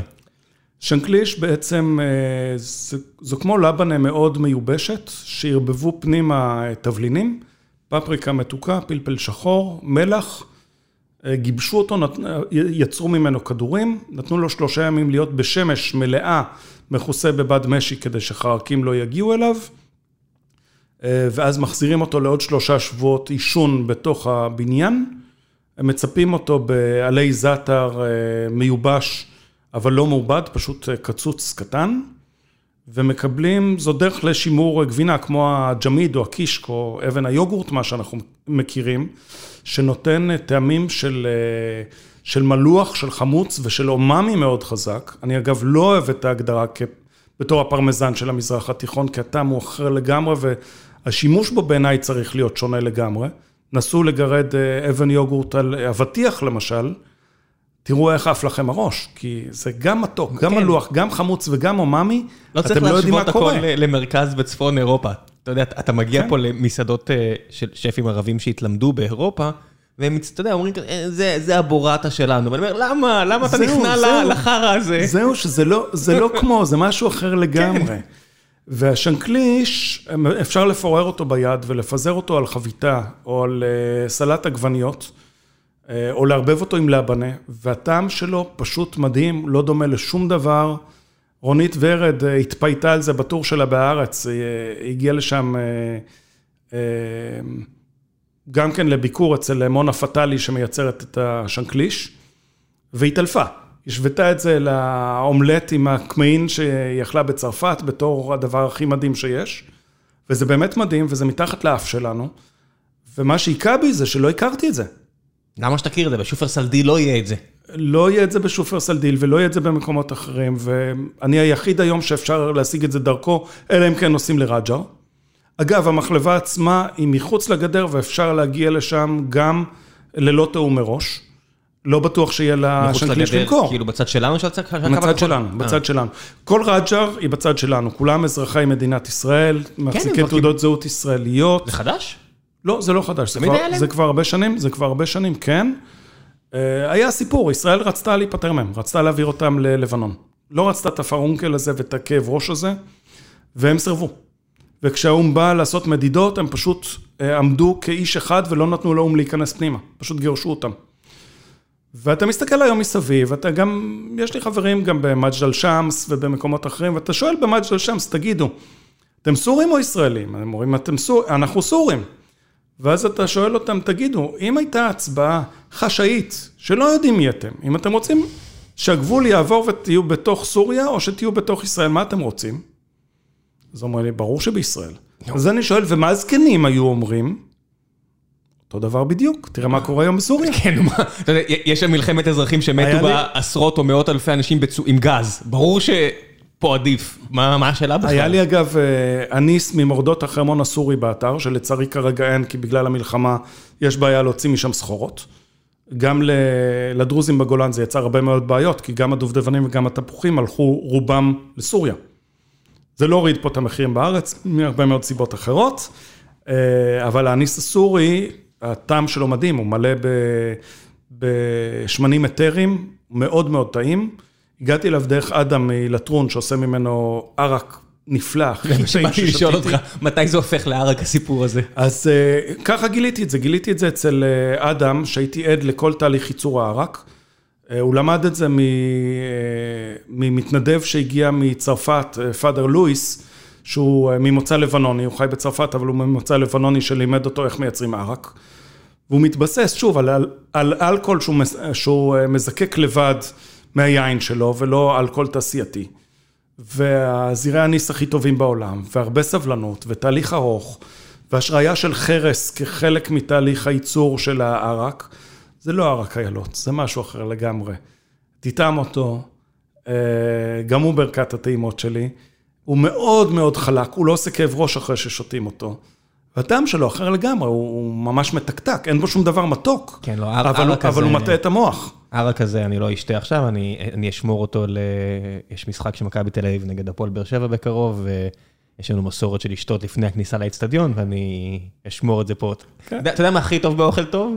לחלוק אותו עם חברים. אין זה- ספק בכלל. זה, זה הדבר הכי טוב באוכל אין טוב. ספק בכלל, אני יכול להגיד לך שבשווקי הפלאו, באירועים, אף פעם לא הייתי מסוגל לאכול. מהאדרנלין, מההתרגשות, מהכל, אבל לראות אלפי אנשים אוכלים ומחייכים ומצטלמים ומעלים זה תמונות. פשוט אירוע מדהים. זה, זה, זה מרגש, ואנשים באים ואומרים לך, תשמע, הצלת לנו את החיים, סבלנו מככה, סבלנו מככה. בכלל לא ידענו שיש משהו אחר שאפשר לעשות. זה היה כיף מאוד מאוד גדול, זה ממש ממכר, האירועים האלה מאוד מאוד קשים פיזית. התקשיתי להתפרנס מהם, עד שלמדתי איך מתפרנסים מהם, באה קורונה וסגרה את הסיפור הזה. כן, אתה יודע, אתה, אתה רואה למשל שפים הכי מפורסמים בארץ, שהם טובים בלהכין אוכל, הם אפילו טובים במרקטינג, מביאים את כל האנשים אליהם כדי לאכול עגבנייה במלא כסף, אבל הם פחות טובים בלנהל את הכסף ואת הדברים האלה, זה קשה. זה עבודה, לא משנה, זה פשוט קשה להפוך עסק למצליח, ואנשים מסתכלים בחוץ ואומרים, מה, מה הבעיה? הנה, יש אנשים, מה הבעיה? אה, הנה, יש סחורה טובה, זה קל. לא, זה לא, זה ממש קשה. זה מאוד קשה, בין השאר, עוד פעם אנחנו חוזרים... אילוצים מסביב. לבירוקרטיה, לרגולציה. במדינת ישראל מאוד מאוד קשה לעבוד בתחום המזון. אני לא מדבר על אה, משטרה וכיבוי אש ועירייה ודברים כאלה שכל אחד דורש את הדרישות שלו ושכל הזמן הולכות ומחמירות, שחלקם חסרות היגיון לחלוטין. אה, אני מדבר על זה שלעבור היום את משרד הבריאות מאוד מאוד קשה. ואם בכל העולם המערבי, דברים שמוכרים היום בשוק Christmas ב- ב- בשאנזליזה בצרפת, אתה תבוא ותמכור פה בכיכר גבעון מאחורי המשרד שלך ומתחת לאף של משרד הבריאות שנמצא שני בלוקים כן. ממך, וסוגרים אותך. מחרימים לך את הסחורה, משמידים, מעלים הודעות לתפסנו ככה וככה וככה. אתה יודע מה עצוב? מי שנמצא עכשיו בשלטון, מתן כהנא ישב פה, אמר שמה שהכי חשוב להם בימינה זה להוריד רגולציה, לאפשר לעסקים לפרוח. והם מספרים לי על שוקולד פנדה בירושלים, חבר'ה נהדרים שעושים שוקולד טבעוני, ואני יושב עם החבר'ה האלה שפעם היו שמאל כלכלי, ואומרים שמאז שפתחנו עסק, אנחנו לא יכולים יותר שמאל כלכלי, כי אנחנו רואים זה בלתי אפשרי להתנהל ככה. לא נותנים לנו לעבוד עם כל הרגולציות האלה. והנה, נפתלי, ואיילת, שרק יודעים לדבר על להוריד חסמים, להוריד רגולציה, ואני אומר, אוקיי, שימו גז. קיבלתם, הנה, אתם עכשיו בממשלה, שימו גז. אז אני, אה, גם בצד אה, של השמאל, גם מבחינה כלכלית, יחד עם זה, אני חושב שהרגולציה פה היא, היא מטופשת. היא מטופשת כי דברים, אה, יצא לי להיות אצל יצרנים שהגיע אליהם בדיוק ביקורת של משרד הבריאות ושאלו אותם, רגע, אבל אסור ככה ומותר ככה, ואתה מסתכל ובכל העולם מייצרים ככה. מה לעשות? ככה מייצרים בכל העולם. ואם היום בארצות הברית או באירופה אתה רוצה למכור בשוק מוצר שייצרת, אתה צריך במצבים מסוימים לשלוח אותו לבדיקת מעבדה כדי לקבל אישור. בארץ, משרד הבריאות לא בודק בדיקות מעבדה, הוא בודק כמה מטר רצפה יש לך, איפה היא ממוקמת, אם יש מקלחות לגברים ולנשים, למרות שהמפעלון שלך, או בית המלאכה שלך, הוא צמוד לבית, למה אתה צריך עוד מקלחות? עזוב את זה, הם מאשרים, זה בלי למצמץ לשופרסל, ואתה נכנס לאיזה סניף שופרסל, ואני בכוונה אומר את זה כי יש לי מתחת לבית, אין בעיה, אני לא מספר פה מה שנקרא אמת אמרתי, אתה נכנס ואתה רואה את הבשר, שלא יודע כמה שעות הוא כבר שכב שם, ובן אדם שעובד בשכר כנראה נמוך ואין לו חשק, הוא לא עושה את זה מחדווה כי זה רק עבודה עבורו, ואני לא מאשים אותו, אבל אתה מסתכל על זה ואתה אומר, זה יותר בריא לדעתכם? אתם חושבים שכל הסיפור הזה, עם הבשר המתועש, ששוכב פה מול הוויטרינה, ונראה גועל לא, נפש, ואתה הולך לירקות וזה הכל נראה מוזנח, אז זה משרד הבריאות מאשר? קודם כל הוא לא מאשר את זה. זה, שאין, זה, זה שאין פיקוח זה סיפור אחר. העניין הוא שקל מדי להתלבש על העסקים הקטנים. ולשים להם חסמים, ואני חושב שחלק מהחסמים האלה באים בעידוד מסיבי מאוד. אה, בכל ועדות התקינה יושבות, יושבים נציגים של החברות הגדולות, הם לא רוצים תחרות. הם לא רוצים תחרות. תשווה דבש של נוגה ראובן ממנות לדבש של יד מרדכי, שיסלחו לי, זה מוצר אחר, זה למה, פשוט מוצר אחר. למה, הם מייצרים את זה? יד מרדכי מזמן כבר, הרוב זה מיובא, לא? מספרד אני לא, חושב, מ... אני לא חושב שהרוב מיובא, אני חושב שהרוב מקומי. אה, אני לא רוצה להיכנס בדיוק ליד מרדכי, אני יכול לספר מה נוגה עושה ולמה הדבש שלה כל כך טעים. לא צריך לספר, תקנו את זה ואת זה ותראו לבד. אה, לא, אני חושב שלספר זה חשוב, אני חושב שלהבין את הדברים, וזה אחד הדברים שאני מנסה לעשות דרך פודשופ, להביא את הסיפורים גם של היצרנים וגם של המוצרים, להבין למה זה כל כך הרבה יותר טוב. להבין את זה שדבש בטבעו צריך להתגבש, אם דבש לא מתגבש יש איתו בעיה. עכשיו יש, אם נגענו בדבש, דבש, היום התקן אומר שמותר לחמם אותו עד 40 מעלות ולכתוב דבש לא מחומם. אה, לחמם מעל 40 מעלות, היום אף אחד לא מחמם, למרות שיש לחץ של חברות גדולות מאוד, ולא ננקוב בשמות, אה, אה, לשנות את הרגולציה הזאת.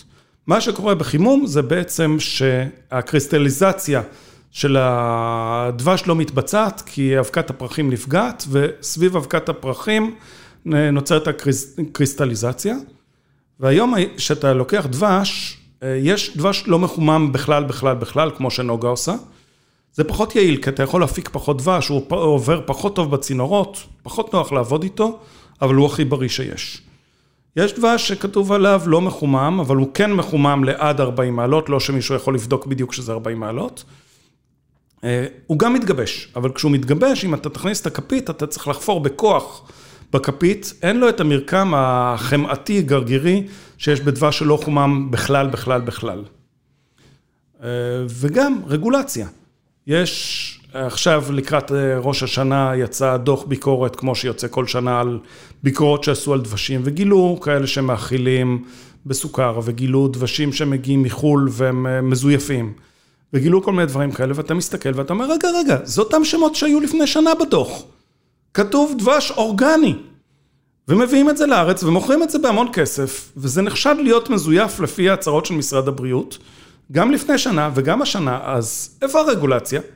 כן, מצד אחד אה, באמת אה, מורידים סובסידיות לחקלאות פה, כי רוצים יותר באמת כלכלה תרמנית, להוריד חסמים. מצד שני, לא הורידו חסמים על היצרן המקומי. מצד שלישי, משרד הבריאות שאמור לשקף לבריאות מה בריא, לא באמת זוכר מה המטרה שלו.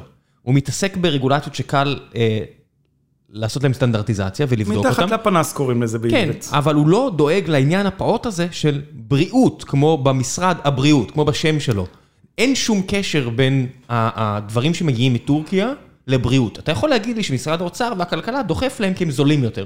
בסדר, להוריד את, אתה יודע, כי יש להם את היעדים שלהם, בואו נוריד את הסל וכל הדברים האלה. אבל אם מדברים על בואו נצרוך פחות ונצרוך יותר טוב, ונצרוך טרי יותר, מעבר לסוציאלי של בואו נתמוך באנשים, האזרחים הישראלים, או, או אתה יודע, חס וחלילה אפילו פלסטינאים מחברון וערבים מסוריה ולבנון, חס וחלילה, אז זה גם יותר בריא. נגעת טיפה בפוליטיקה, אז אני ארים את הכפפה. אני עובד עם ספק בשם אה, דודו בן שבת, החברה נקראת נהרות שם. האיש הוא פילוסוף, אה, הוא מדבר הרבה על הנושא של שיתוף פעולה כלכלי בין פלסטינים לשכנים עבריים מדרום הר חברון. אה, הוא גר בהר המסע, שבתוך גבולות הקו הירוק, אבל כן על הר חברון, והוא מביא את הטחינה השמית. ואת הדיפס רימונים ודיפס ענבים ואבני יוגורט שאני ביקשתי ממנו להביא עד אז, הוא לא הביא את זה, הוא חיפש בשבילי והתחיל להביא אותם אה, לארץ, וזה פרויקט מדהים. אני חושב שמעבר לזה שהמוצרים טעימים ובריאים בצורה יוצאת דופן, ההבנה הזאת של אה, שיתוף פעולה כלכלי כגשר לחיים משותפים, אה, הוא מסר מאוד מאוד חשוב, ואני מאוד נהנה לתת אפשרות ודרך גם לקולות כאלה. אני משתדל לא להכניס פוליטיקה, אני לא בוחר ספקים לפי הדעות הפוליטיות שלהם, אני מחפש אנשים טובים. אנשים טובים, יש בכל הצבעים, מכל המינים, מכל העדפות ומכל הבחירות. ניגחו אותי על זה לא, לא פעם ולא פעמיים. בסוף יהיה מריבות. אבל לא נורא. בסוף יהיה, אז, אז אתה לא רב על משהו כזה, אז אתה רב על ניכוס תרבותי. תן לי לריב בארץ על ניכוס תרבותי, על איך היהודים גנבו את החומוס מערבים, ולא, חכה, ו- ולא חכה. על שטח, ולא כלי נשק. אין לי בעיה לריבים חכה, כאלה. חכה, תביא את עומר, הוא יסביר לך שגנבנו הכל. תן לי רק לריב יהודים ערבים על ניכוס תרבותי, ושזה יגיע לטונים, ושזה יגיע לאמוציות, אין לי בעיה, אבל בסופו של דבר, צ'פחה, קונים, מוכרים, אוכלים ביחד, שזה יהיה ככה, זה מעולה. שואלים אותי המון על קולינריה מקומית. מה זה בכלל קולינריה מקומית? יש קולינריה מקומית, זה מטבח פלסטיני, זה מטבח ערבי, יופי, זה מטבח בוא נריב ישראלי. על זה. זה מטבח זה. Uh, התשובה שלי היא פשוטה, אנחנו uh, כור היתוך. אנחנו איזשהו מטבח משותף של המרחב השמי, שהכל התחבר פה פנימה, והגיע גם uh, מיהדות ארצות הברית.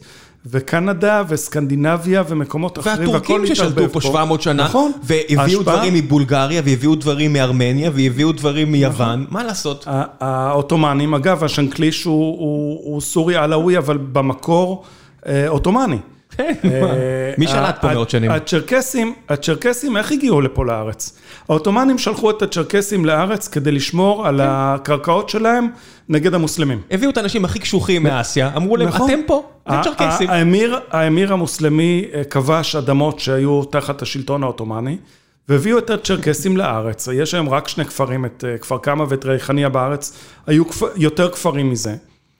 וזה מאוד מעניין, כי הם הביאו את המאכלים שלהם, שחלקם מאוד דומים לשלנו, חלקם מאוד שונים, ואתה רואה את ההשפעות, דוגמה מאוד טובה רואים בתבלינים. בערכת הטעימות המופלאה שהבאתי לך, שלושה תבלינים שזה בעצם אותו תבלין. יש את הזעתר, שהוא שלנו, שהוא אזוב, אזוב, אזוב מצוי. מה זה שלנו? הלבנונים עכשיו תכף לא נופלים עליך. שלנו מבחינת השטח, תקרא לו יהודי, תקרא לו ערבי, תקרא לו פלסטיני. לבנט. תקרא לו בדואי, לא מעניין אותי באמת. זה פה של הארץ הזו, אני לא יודע מי בעלים של הארץ, אבל זה של הארץ הזו. נכון. היא השתנתה במהלך השנים, השלטון השתנה, אבל הקרקע לא זזה. ויש ליד הזעתר, שאגב, יש זעתר שונה, הזעתר בחברון גם בגלל הצמחייה והקרקע, הטעם שלו שונה לחלוטין מהזעתר שגדל בגליל. גם עושים אותו בצורה קצת שונה, יש כאלה שמשתמשים בשמן זית, יש כאלה שלא, יש כאלה שמוסיפים דברים אחרים, כאלה שמוסיפים סומק ויש כאלה שלא. אבל לידו יש את הדוע המצרית, שהיא תערובת תבלינים שמבוססת על אגוזים וזרעים, שמאוד דומה והשימוש שלה מאוד מאוד דומה.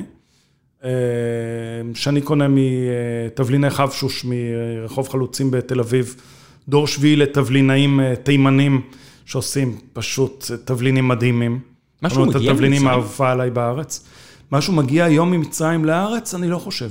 פחמים מגיעים לארץ. הייתה תקופה שהביאו איזה מיץ... טרגדיה. הייתה תקופה שהביאו מיץ מנגו, הביאו זרעים של מנגו לארץ ממצרים. בעצם המנגו הגיע לארץ ממצרים. אה, הבריטים הביאו אותו בזמן השלטון שלהם. ככה הוא נכנס, היום יש מחקר מאוד משמעותי של אה, מנגו בארץ, במכון וולקני, והרבה מאוד זנים, והרבה מאוד דברים. מה היה שהתווכחו רבים, בעיניי הוא עדיין הזן הכי טעים, הוא, הוא זן ישראלי, שפותח פה בשנות ה-40 במכון וולקני. ועומר, שהוא. שהוא זן ישראלי שנמכר היום באירופה, שבעיניי אישית הוא פחות טעים, הוא הרבה יותר מסחרי. הוא בגודל אחיד, 450-500 גרם לפרי, הצבע שלו ארגמני ויותר מגוון והוא נורא נורא נורא יפה. הוא מאוד מאוד קשה, עם קליפה קשה, הוא לא נפגע בים בדרך, ואפשר להעביר אותו הבחלה קלה, הוא לא נמעך כמו המאיה, אבל בסוף, הארומה שלו נורא נמוכה, והטעם שלו, אה, ולא לטעמי. אתה מוכר אה, פירות וירקות? לא. קשה מדי? אה, לוגיסטית אני לא מסוגל להתמודד עם זה ובוחר שלא. איך אתה עושה משלוחים? חברת משלוחים. מי? אה, נקראים גל משלוחים. חברה קטנה, מקסימה, עברתי הרבה קשיים עד שמצאתי אותם. טיפה יותר יקרים, על הסמייל בארץ סיפור מאוד מאוד מורכב ומסובך. כן, אבי מביר בזאר הגיע וסיפר על זה. מאוד, כן, שמעתי את הפודקאסט הזה, וכן, מאוד מאוד קשה.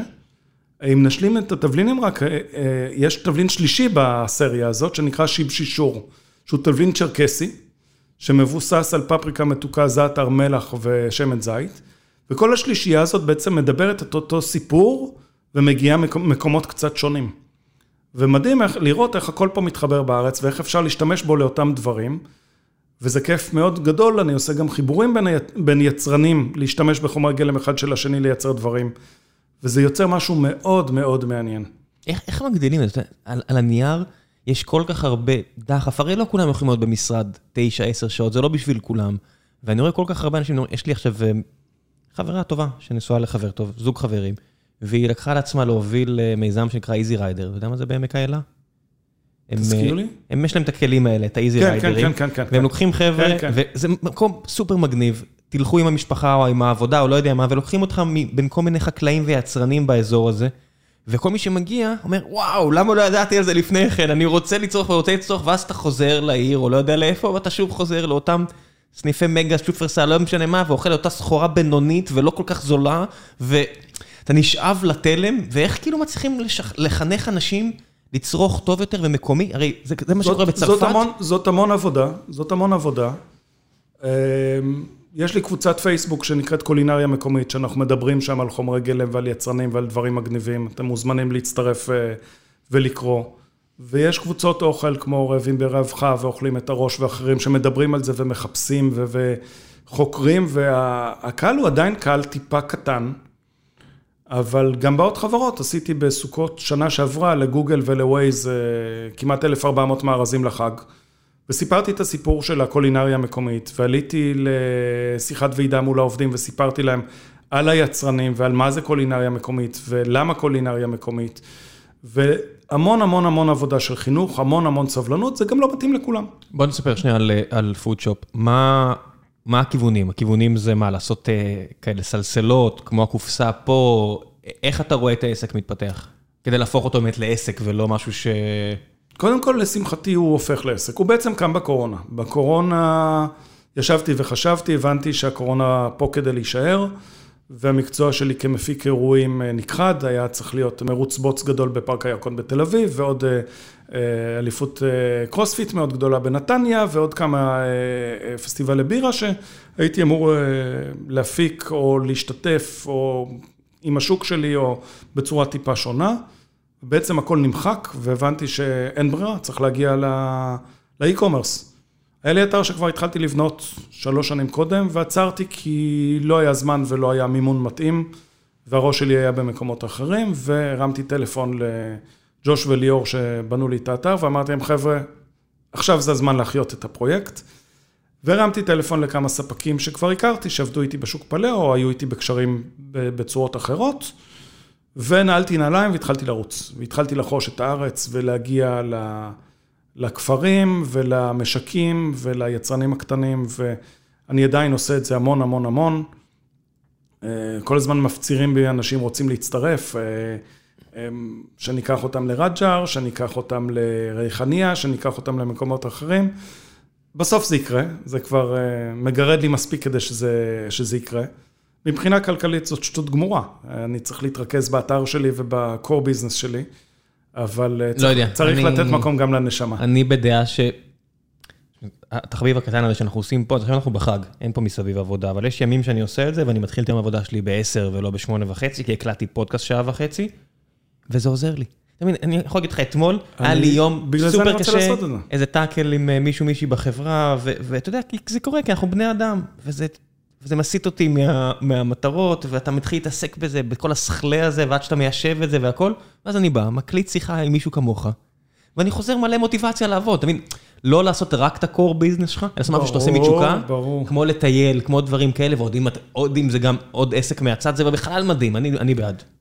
הייתי, לקחתי חבר'ה לקיבוץ מגל לפגישה עם אה, שרון מנהלת השיווק ואורן המנכ"ל, לדבר על שמן זית, להבין מה זה שמן זית, לדבר קצת על מיתוסים של שמן זית ולהיכנס יותר לעומק מאשר אה, מה שעושים בדרך כלל. ואחר כך ירדנו למטה השקדים, לראות את הפריחה, לצלם, אה, בעודי מדדי עם אה, קביים ורגל מגובסת ששברתי. וגם אורן וגם שרון התקשרו אליי אחר כך ואמרו לי, תשמע, כאילו, אנחנו כל הזמן פוגשים קבוצות וכל הזמן מדריכים וכל הזמן מספרים, משהו בקבוצה שלך היה אחר לגמרי, לגמרי, לגמרי. אמרתי להם, נכון, זה לא אנשים שבאו, צריך עכשיו לשרוף שעתיים, בואו נעשה סיור שוק כזה, סיור שוק אחר. זה אנשים שזה התשוקה שלהם ורוצים להעמיק ורוצים להבין ורוצים לחדד. וזה אנשים שאני מחפש. אני לא אעשה ש- סיורים של אה, תוך שעתיים להיות בשבעה, שמונה מקומות. אנחנו נבלה יום שלם ונהיה בשניים, שלושה מקומות ונלך למונה פטאלי ונלך לשינה ונדרה שבס- אה, שבסו בריחניה ונעשה את הגבינה הצ'רקסית בידיים ונעשן ונטעם ונבין ונבין למה הוא כל כך יותר טעים.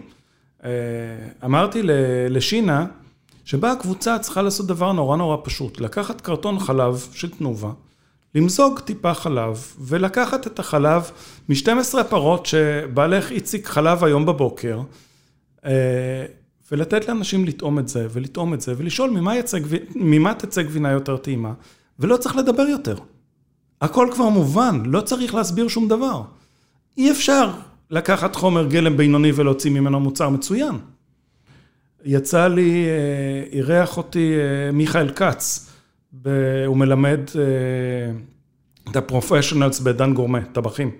טבחים בדרג הבכיר ביותר, והוא עשה ממני איזושהי הזמנה קטנה והבאתי לו כמה דברים, אמר לי, אם אתה כבר פה, בוא תספר קצת ל- ל- לחבר'ה מה זה קולינריה מקומית.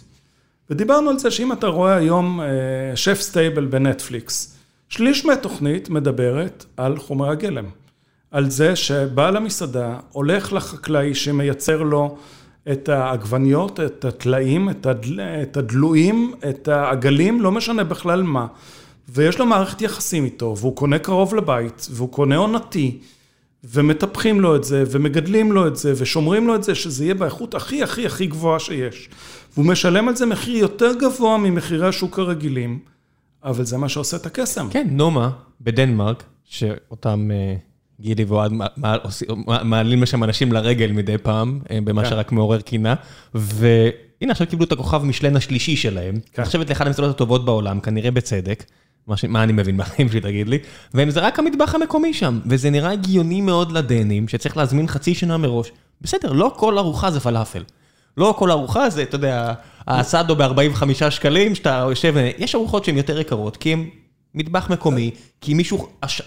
עשה, עבד קשה, אסף, ליקט, הביא, השף, אתה יודע, למד 20 שנה. גם, גם, גם בארץ זה מתחיל לאט לאט, יש את האחים ודוק, ואילת האוקולי באנימר, וגם פה זה מתחיל לאט לאט. חוות צוק שעושים דברים נפלאים.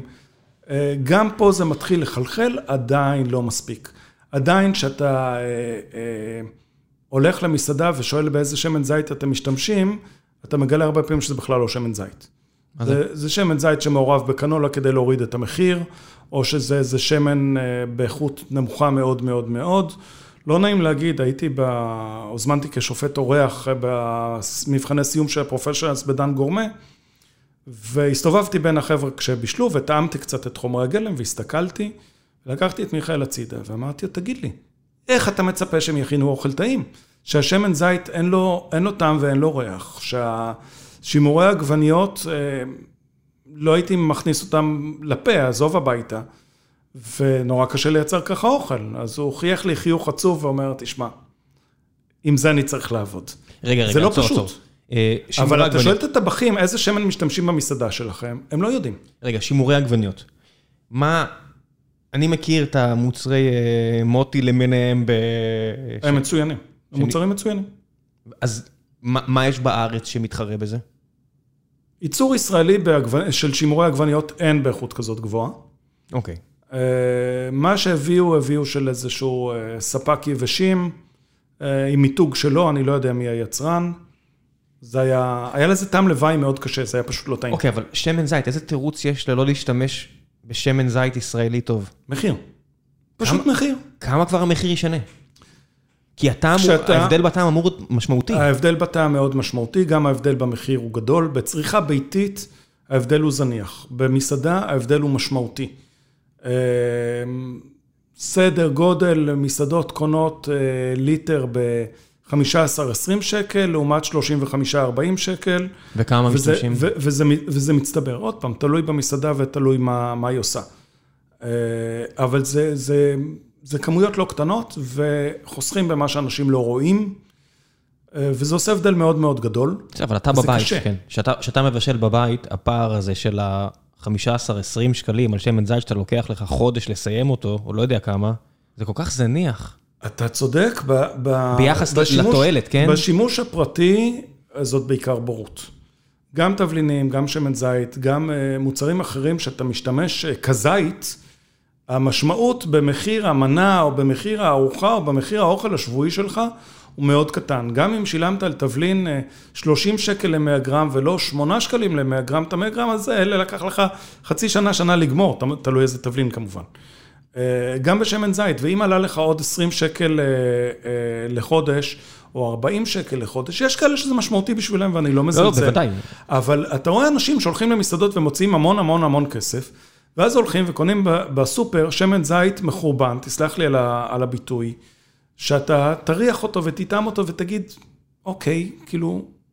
ואז אז ההבדל גם בין שמן זית לשמן קנולה נראה להם לא משמעותי, כי לשניהם אין טעם ואין ריח. ואז כבר אתה ממש אצלי בבית אין שמן קנולה, לא, לא נכנס לדבר הזה. הכל, מטוג, הכל מטוגן, נאפה, אה, אה, מתובל בשמן זית. אז יש אה, שמני זית עדינים יותר לטיגון, שניצלים לילדים, הילדים שלי לא פלאו ואני מטגן להם שניצלים.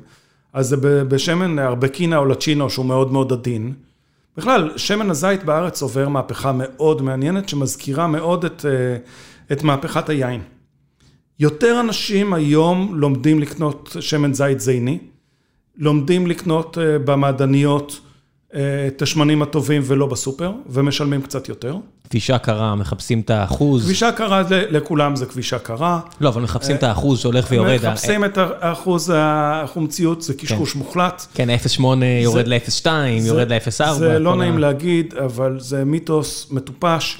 אה, זה משהו שאי אפשר לטעום אותו, זה לא, זה לא מדד אה, חישתי, זה מדד כימי של אחוז חומצות אה, שומן חופשיות בתוך השמן. נכון, זה צריך להיות עד 0.8 כדי להיקרא כתית מעולה, אבל בין 0.2 ל-0.8 אין שום הבדל, חוץ מגימיק שיווקי. אה, באמת, זה לא חשוב, זה חשוב. כמו לחם קוסמי, שישב פה אנה מראל ואמר, אני לא מבין מה זה השטות שיווק, הזאת. שיווק, נכון, שיווק. שיווק זה, זה חסר משמעות, יותר חשוב הטעם, תטעמו, תראו מה טעים לכם. אנשים כן מתחילים לחפש זנים, ותקנו מקומי. אה, תקנו מקומי. השלב הבא, הם מתחילים זנים, הם מתחילים אה, בלנדים. אם ביין לפני, כשאני הייתי ילד, היה אדום, לבן, רוזה. זה מה שהיה, היינו שותים אה, אה, גרנש רוזה של כרמל מזרחי, זה מה שהיה. ואז התחילו הזנים, הקברנה סוביניון והמרלו, ובן דוד של אבא שהוא צרפתי חובב יין מושבע, צחק עליי. אמר, תגיד, למה? למה זני? למה לא בלנדים? כאילו בצרפת אתה לא תמצא יין טוב שהוא זני, רק בלנדים. אתה לוקח את הטוב מזה ואת הטוב מזה ואת הטוב מזה ומרכיב אותם ביחד. זה יתחיל גם בשמן זית. אמרתי לאורן ממסיק מגל, יש להם את שמן הבית. שמן הבית שלהם הוא מעולה, הוא בלנד משתנה, כל שנה הם מרכיבים אותו טיפה שונה. הוא מעולה, מעולה, מעולה, אבל כשאתה שומע שמן הבית, זה נשמע לך כמו יין הבית. מה שהיה הכי זול, ארזנו, ומה שנשאר עודף, שלחנו לך. מה תראה, תקראו לו אה, בלנד מסיק מגל, תקראו לו מה? בשם שמכבד אותו. לא יודע, תבלין של מרוקאים, מה זה, ראסל חנות, מה זה? זה מה שיש למעלה בכל הדברים, אתה יודע, זה... רס, ראסל חנות זה, זה סיפור, וכל אחד יש לו את הראסל חנות שלו. נכון, אבל זה בדיוק הנקודה, העניין הזה של בלנד, בכל, לא משנה מה, בכל דבר שנהיה פלצני, יגיעו לך אנשים שרק מתחילים, ומחפשים את הכי טהור, כי טהור זה קל. טהור זה תמיד מוביל לשטויות. ואתה רואה את זה אפילו עם כלבנות. אתה רואה אנשים מסתובבים עם כלבים גזעיים, שרק מטפחים פה הפרעות גנטיות כאלה ואחרות, ואז אתה מדבר עם החבר'ה בעוקץ שבוחרים את הכלבים, אין כלבים גזעיים בעוקץ, לעניות דעתי. זאת אומרת, לי היה, אני חושב, בין הבודדים, כי רובם מעורבים. אתה לוקח קצת מהרועה הבלגי, וקצת מהרועה ההולנדי, וקצת מהרועה הגרמני. הוא, הוא הרבה יותר חזק, הוא הרבה יותר אינטליגנטי, הוא, הוא הרבה פחות חולה. נכון, הוא לא מתועד, ויש כאלה שמאוד חשוב להם לא, לשמור על התיעוד לתעד, ולזן. עזוב, אתה יכול גם כן. לתעד את זה, כלבי עבודה בעוקץ שהם שווים עשרות אלפי אירו, או לא יודע כמה, לעניות דעתי זה היה המחיר לפני 20 שנה, לא יודע מה היום, אבל שהחבר'ה שם בוחרים, והם יודעים מה הם עושים, לא רע בכלל, הם כנראה בין הטובים בעולם, אם לא הכי טובים בעולם. ברור. הרוב המוחלט של הכלבים שם, הם מעורבים. כמו שאם אתה עושה וויסקי, וישב פה אה, עכשיו דוק וויסקי וסיפר על זה שוויסקי אתה מערבב, אתה מערבב את זה ואת זה ואת זה. כן, הכי קל להגיד, תביא לי את הפיור מל, תביא לי את הזה, זה, זה, כי זה הכי קל. תמיד, אתה יודע, נכון. זה נכון בגזענות, וזה נכון נכון, בקולינריה. נכון. תמיד קל ללכת לטהור, כי טהור זה קל, זה פשוט. העניין הוא שמי שמאוד אוהב את זה, הרבה פעמים אוהב לקנות את הטהור ולעשות את התערובת בעצמו. אבל הוא עדיין מערבב. נכון, נכון, נכון. למרות שעל אה, בשר תן לי מלח פלפל, אני לא צריך שום דבר אחר. כל הגלייזים שעושים היום, פחות, ה... פחות הכיף שלי. אני לא אוהב שמחביאים לי את הטעם של הבשר. אני מודה שאפילו בזה, אני מאוד, מאוד אוהב אה, רטבים. אני, ב, ב, במזווה, יש להם את ה... ואני אני מכיר את הסניף בהרצליה, יש שם את החבר'ה שאני מאוד אוהב, אני מאוד כיף לי לבוא ו, ו, ולקנות אצלם, יש להם את ה... הם, תערובות ננדו, זה נראה לי נקרא, או לא יודע, איזשהו מותג של אה, רטבים שהוא בלי סוכר. אוקיי. וזה פשוט מעולה, זה חריף במידה הנכונה, ויש לך שם, אתה יודע, איזה שמונה דרגות חריפות ממייד כן. לאקסטרה אקסטרה עוד ששורף לי את הנשמה, ואני אוהב את זה, ו- וזה בלי סוכר, ואני אוהב את זה על הבשר, לא יעזור, אני, אני יודע שהטהרנים אה, עושים לי נו נו נו, עכשיו זה, בראש. זה מדהים לראות את ה... כמה אנשים אוכלים יותר חריף היום. אתה רואה ממש גל של הרבה מאוד מוצרים חדשים, אני בקשר עם כמה יצרנים קטנים שממש ממש בתחילת הדרך לאפיין את המוצר ולייצר מוצר, ואני אה, מנסה לעזור להם מהצד שלי. זה אחד הדברים שאני הכי אוהב לעשות, זה אה, לעזור ליזמים את ה... לתת את השני סנט שלי ולנסות אה, גם להיות הבמה הראשונה שנותנת להם אפשרות למכור. וחריף, נושא מאוד מעניין. זה גם מאוד. התמכרות, היה עכשיו את אליפות הארץ בחריף, נכון. ואחד החבר'ה שלי, פה מהעבודה שעובדים איתי, היה שם, והוא נכנס לי למשרד פה, למשרד שלי, דופק בדלת, באמצע שאני בפגישה עם אחד העובדים שלנו בפולין, בחור יקר בשם לוקש. עכשיו, רואים בצילום, כי הוא מצלם אותי, אומר, קח, תטעם, אתה אוהב חריף. אני אומר לו, מה זה? הוא אומר לי, זה לא החריף הכי חריף, שם זה מספר 7 או 6, אמרתי לו, אבל זה באליפות הארץ, זה בטח נורא חריף. עושה, תטעם, תטעם. ואז הם מצלמים עשית אותי את בווידאו. הטעות הזאת. לא, לא טעות, אין לי בעיה. כי אני אוהב חריף, אבל אכלתי את זה, ואז אמרתי ללוקה, שידידנו יקר, אמרתי לו, ידידי, אני צריך ללכת להביא משהו קר לשתות, או חלב, או לא יודע מה, כי כרגע אני סובל. הייתי בבית לחם הגלילית בבית הפלפל, אה, שמגדלים שם 130 זנים שונים, מפלפלים פשוטים ועד 2 מיליון סקוביל, מטורף לחלוטין. שני מיליון סקובל זה ברמה... זה ברמה שזה הורג אותך. הפלפל ש... שזה... אז הפלפל שאני מדבר עליו הוא היה 200 אלף. הוא אחד לחלק 10 מהכי חריף, זה ה red Carolina, red reaper, לא יודע, כל השמות קרול- שלהם, Carolina Reaper. Whatever. אה, יש, אני לא, אני לא, אני מכיר את השמות של הזנים, אבל אני לא יודע לדרג אותם לפי ה- תשמע, זה פעם- הסדר שאני לא יכול זה לאכול. פעם ראשונה, אתה יודע, אתה מכיר את הבדיחה שאומרים שזה כואב בכניסה וביציאה? כן. פעם ראשונה שכאב לי ביציאה. פעם ראשונה, וצחקתי עם החבר'ה עם החבר'ה הקרובים אליי בוואטסאפ, אמרתי, תקשיבו, יש סיכוי שזה הולך אה, לכאוב יותר, ברור שזה יכאב ביציאה, אמרתי, לא, זה אף פעם לא קרה לי, אין דבר כזה, וזה אשכרה היה נורא. אני יכול להגיד לך שזה אחד המקומות הראשונים, וגם המוצרים שאני רוצה להכניס לאתר ברגע שיהיו מוכנים. הרטבים? רטבים ועוד כמה דברים מאוד מעניינים. וזה יהיו, יהיה פעם ראשונה שאני אצטרך להיעזר בטסטר שיעזור לי אה, לבדוק את האיכות שלהם, אה, כי אני לא אהיה מסוגל לטעום את זה, זה פשוט יהרוג אותי. כן, מי שלא פיתח את היכולת הזאת מגיל צעיר, אני, אני כן מוצא את עצמי אוכל יותר ויותר חריף. אני מוצא את ה- את שחר, הבן שלי, שהוא בן 14, אוכל הרבה יותר חריף ממה שאני אה, אכלתי בגילו, לא ידעתי בכלל מה זה חריף. כשהגעתי לצבא ראיתי את, על הסלט ועל החביתה כל מיני נקודות שחורות, לא הבנתי מה זה. פלפל שחור על כל דבר, מי שם פלפל שחור בסלט ירקות? זה היה לי מאוד מוזר. אבל מה תמכור? אצלך כל המוצרים זה, זה מארזים וזה צנצנות. לא, לא, בסדר, בצנצנות. אני דרך אגב משתדל מאוד למכור הכל בצנצנות אה, רב פעמיות. אני שונא פלסטיק ואין אצלי ניילון ואני לא אורז בניילון. קופסאות קרטון. אה, קופסאות קרטון, נייר גרוס, אה, מאוד מאוד משתדל במה שאני יכול להקטין את השימוש בחומרים מזהמים. צריך לפתור את העניין הזה של ה-last mile בלי כל המשלוחים. שגע אותי העובדה ש... שאני מזמין דברים ומתבזבז דלק. וזמן. זאת אומרת, אם היה, בטח בערים הגדולות, נקודות כמו שניסו לעשות פה מיזמים כאלה ואחרים, שאתה יודע, זה יהיה כל 500 מטר, כל קילומטר, מקום קטן שאני יכול לקחת את החבילה שלך, אני, אני תמיד מעדיף את זה. אז אני לא אשתמש בזה אף פעם. יש לי מוצרי מזון רגישים, אני לא יודע מה יודע, יקרה שם. אני יודע, אני יודע. אני לא יודע מה יקרה שם, אני לא, לא יודע איך יטפלו בזה, רק עד כן. הבית. אין, אבי מבירבזר אמר. כן. אין נקודות חלוקה. אמ, זה מסוכן מדי, כי השם הטוב שלך תלוי בזה שלא תכאב נכון, לי הבטן. נכון, גם, גם בזה. ואתה רוצה להביא בסוף את המוצר הטוב ביותר, וכן כן. זה עולה יותר, וכן זה שוחק את הרווחיות, וכן זה עושה הרבה דברים. אבל אתה יכול לגלם את זה. ואין דרך. אין סיבה שזה יש לך. למה, אם אתה מוכר לי את המארז הזה, ויש לך מארזים נפלאים, שהם לא זולים, זה 200 שקל, 400 שקל, אני אומר, הוצאתי כבר את 400 שקל, יש לי עכשיו מלא דברים כיפים פה. המארזים זה החלק הקטן, החלק הגדול והמטרה שלי, זה שאתה תקנה אצלי בצורה שוטפת, פעם בשבועיים, שלושה חודש, כל אחד לפי הצורך שלו. יקנה אצלי את התבלינים ואת הממרחים ואת הקונפיטורות ואת האלכוהול המיוחד ואת הטחינות המיוחדות ואת הדבש המעולה ואת כל הדברים האלה. בעצם להחליף את, את המעדניה או את החלק בסופר שאתה קונה את הדברים היותר טובים והיותר מיוחדים. לגבינות ונקניקים ובשר אני בשלב, וירקות, בשלב זה אני לא אכנס. מה יהיה קדימה, אני לא יודע, לא, never say never, אבל... יש לך jerkies. לא, מה? יש לך jerkies, בשר מיובש. יש, יש לי, אה, כן, יש לי biltong, לא jerky. מה זה? אה, biltong זה בשר אה, כבוש מיובש mm. דרום אפריקאי. במקור הבורים הביאו את זה, יורדי הים הבורים הביאו את זה לדרום אפריקה. זה בעצם כבוש בחומץ עם הרבה מאוד תבלינים, שבין השאר זירי כוסברה, שמונעים התפתחות של בוטוליזם ושל כל מיני חולרות. היו תולים את זה על העגלות כשהיו נעים ממקום למקום בדרום אפריקה ומייבשים את זה, לא היו מקררים. הרבה יותר טעים לדעתי מהביף ג'רקי, הביף ג'רקי הוא פשוט מיובש בתנור כמה שעות וזה הכל.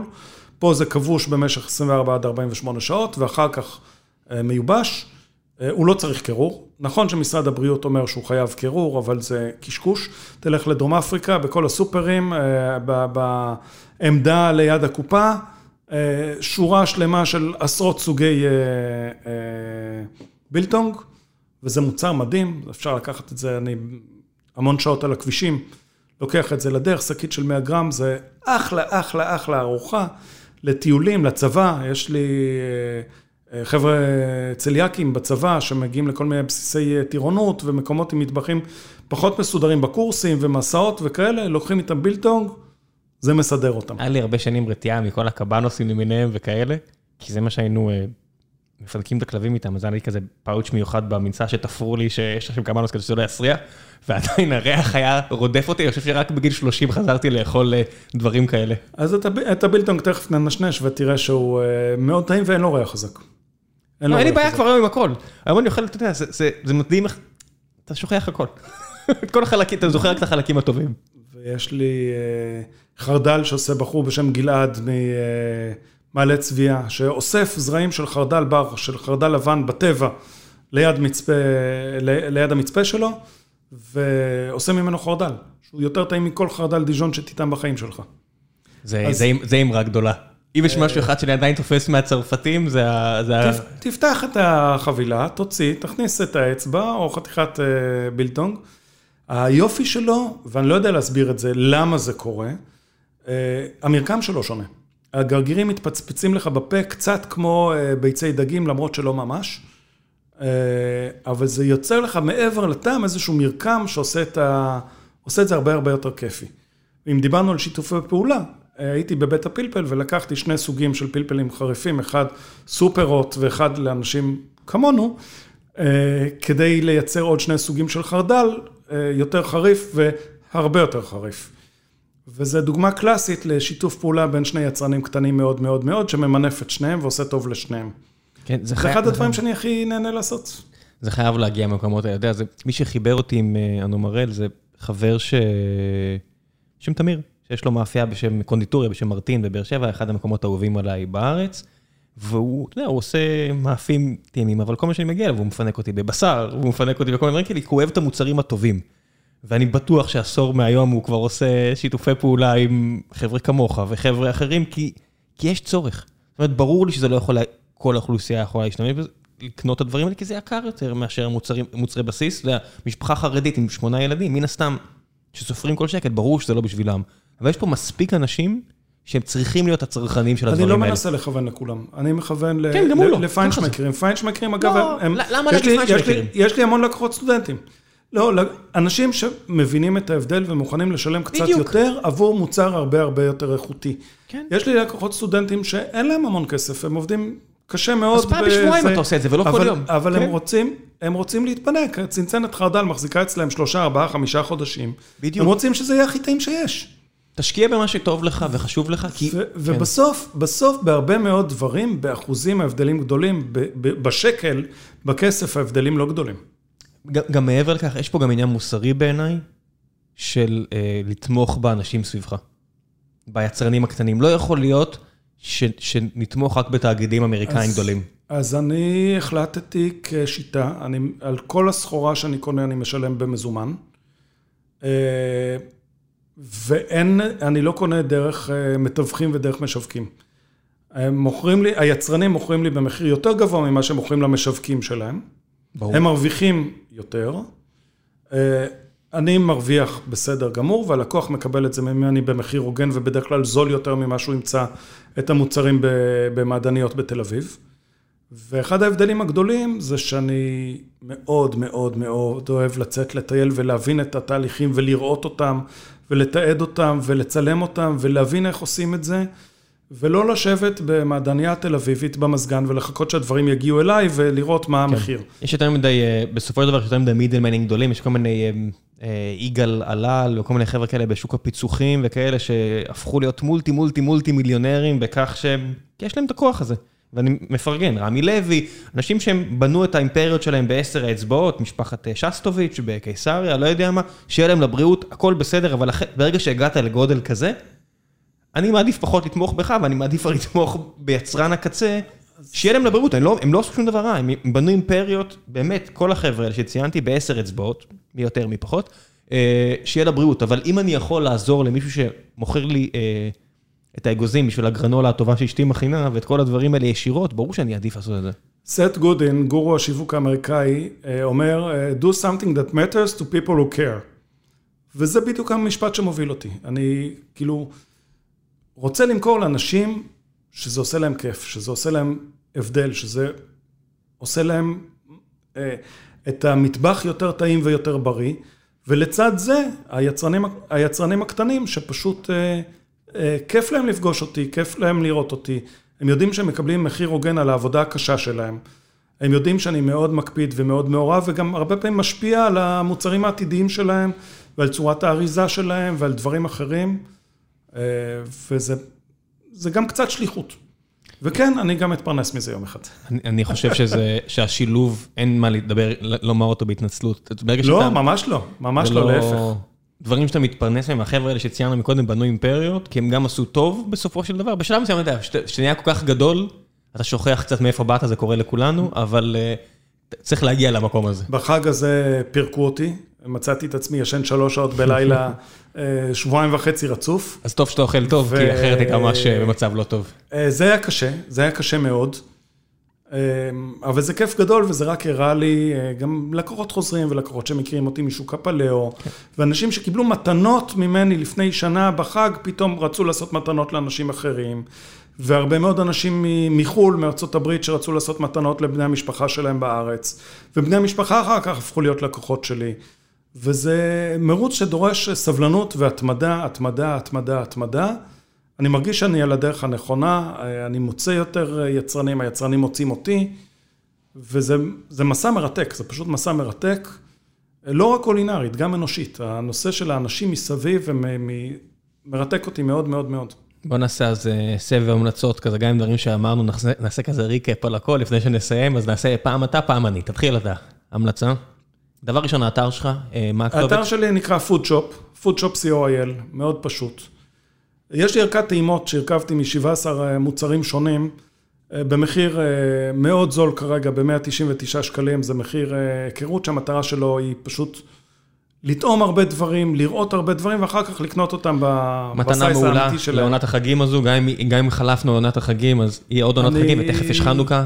אני, אה, אתה יודע מה, אני מרים את הכפפה, המחיר של המארז היה אמור לחזור ל-240 עכשיו, אבל אני אשאיר את זה למאזיני גיקונומי לעוד חודש במחיר הזה. כי חשוב לי לחשוף אותם למוצרים האלה. אני טעמתי את השמן שלך שהבאת לנו, וזה קשה לחזור אחורה. כן. אני מודה שקשה לחזור אחורה. הלאה. אז זו ההמלצה הראשונה, זה פודשופ, אני אה, נעשה פעם פעם. אז אמרתי איזי ריידר, אני אחזור, אה, חברה טובה, אה, זוג חברים שנמצאים שם, מלא חקלאים, סוף הדרך וכלי... זה כלים סופר מגניבים, אפשר להגיע עם כל המשפחה או עם החברים לעבודה או עם סתם החברים, סיבוב בעמק האלה, שימו קסדה, תנסו, תהנו, תאכלו טוב, תבלו, אחלה, אחלה אטרקציה. תורך?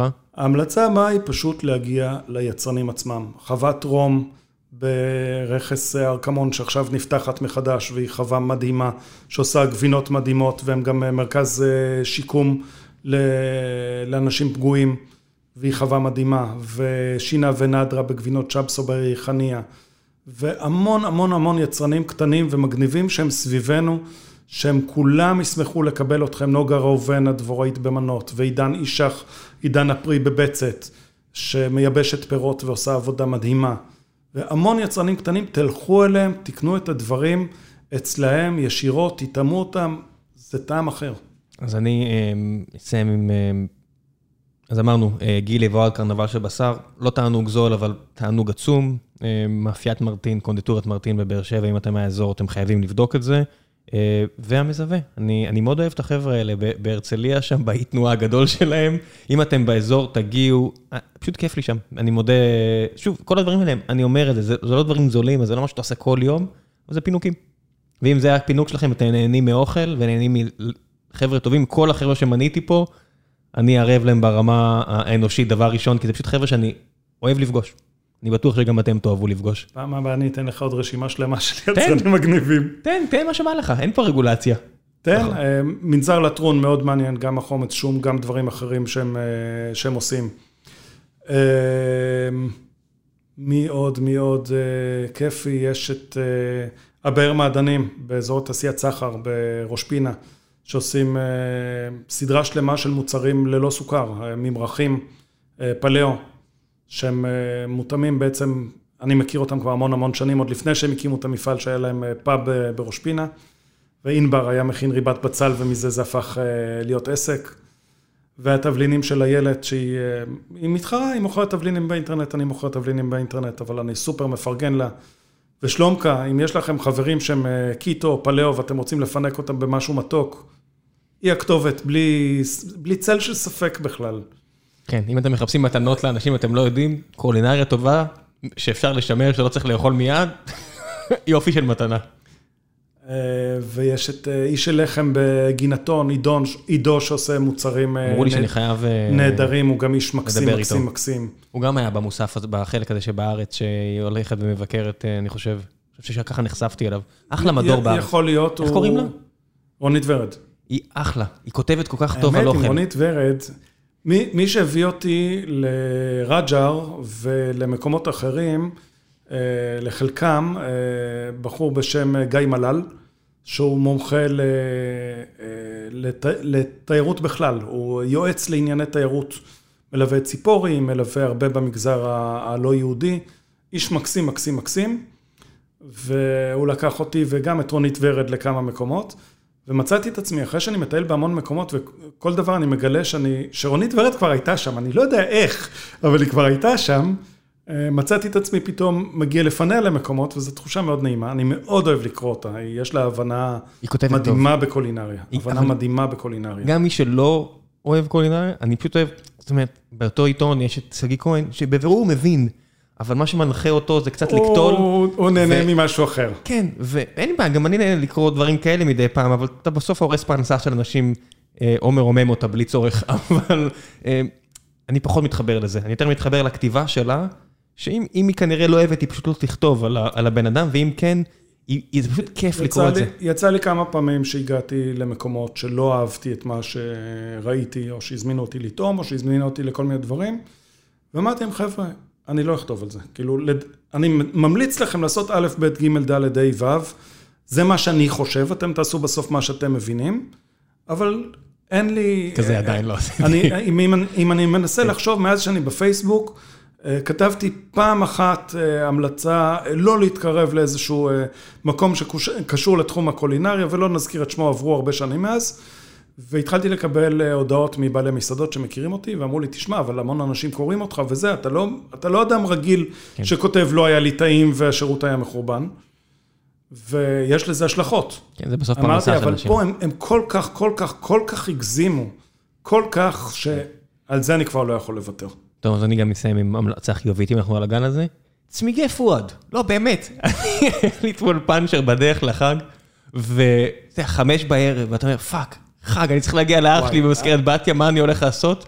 צמיגי פואד, אני הולך אליו, כל פעם שיש לי בעיה, זה באזור יפו, אבו כביר שם. אני סומך על החבר'ה האלה בעיניים עצומות, כל מה שאני מגיע, הם מצילים לי את הטוסיק. אם יש לכם בעיה ואתם באזור, צמיגי פואד, נשבע לכם, לא שילבו לי. זה לא חסות וזה לא בטיח, אין אצלי את השטויות האלה, פשוט חבר'ה שאני נהנה לפרגן להם. רוצה אחד? אחרון? אחד, כן. בזרזיר. בזרזיר יש בחורה בדואית, ברח לי השם, וואי. בעיה. לא, לא, תשלח לי לינק.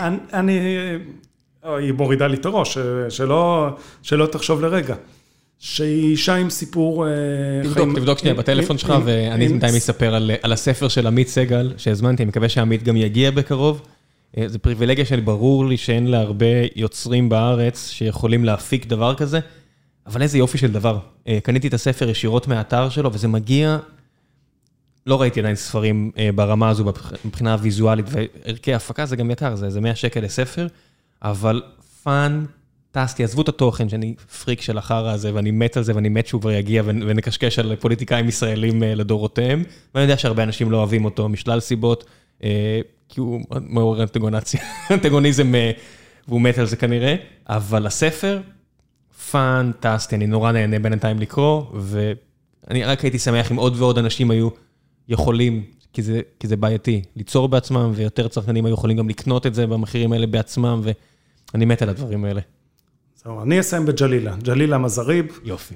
אני בועט בעצמי שברח לי השם. אישה בדואית גרושה, שזה לא דבר פשוט. לא טריוויאלי. לא רק שהיא גרושה, היא ביקשה את פירוק הגירושים אחרי שבעלה החליט שהוא לוקח אישה נוספת, שזה דבר מאוד חריג, אני חושב שהיא הבדואית הראשונה בארץ שמבקשת גט על רקע כזה. בית הדין השרעי הרבה יותר מתקדם מבית הדין הרבני. ברגע שאישה מבקשת הפסקת גירושים, הוא חייב לאשר את זה, בניגוד אלינו. הפסקת נישואים. כן, הפסקת נישואים. אין את העינוי שיש אצלנו. אישה מאוד מאוד חזקה, מאוד מאוד מרשימה, טבחית בחסד עליון, מארחת אצלה בבית. בזרזיר? בזרזיר. היא בנתה גם שני אוהלים גדולים, שזה כמו צימר למעשה, על, על, על, על דק עץ יפהפה, פשוט יפהפה.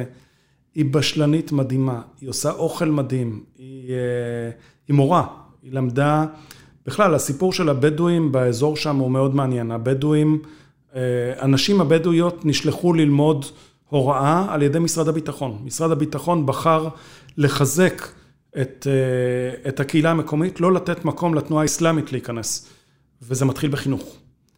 וזה מתחיל בחינוך ושלח כמות מאוד גדולה של נשים בדואיות ללמוד הוראה וללמד בתוך הכפרים הבדואים בצפון, ובגלל זה הכפרים בצפון, מעבר לשירות בצבא וכוחות הביטחון, אתה רואה,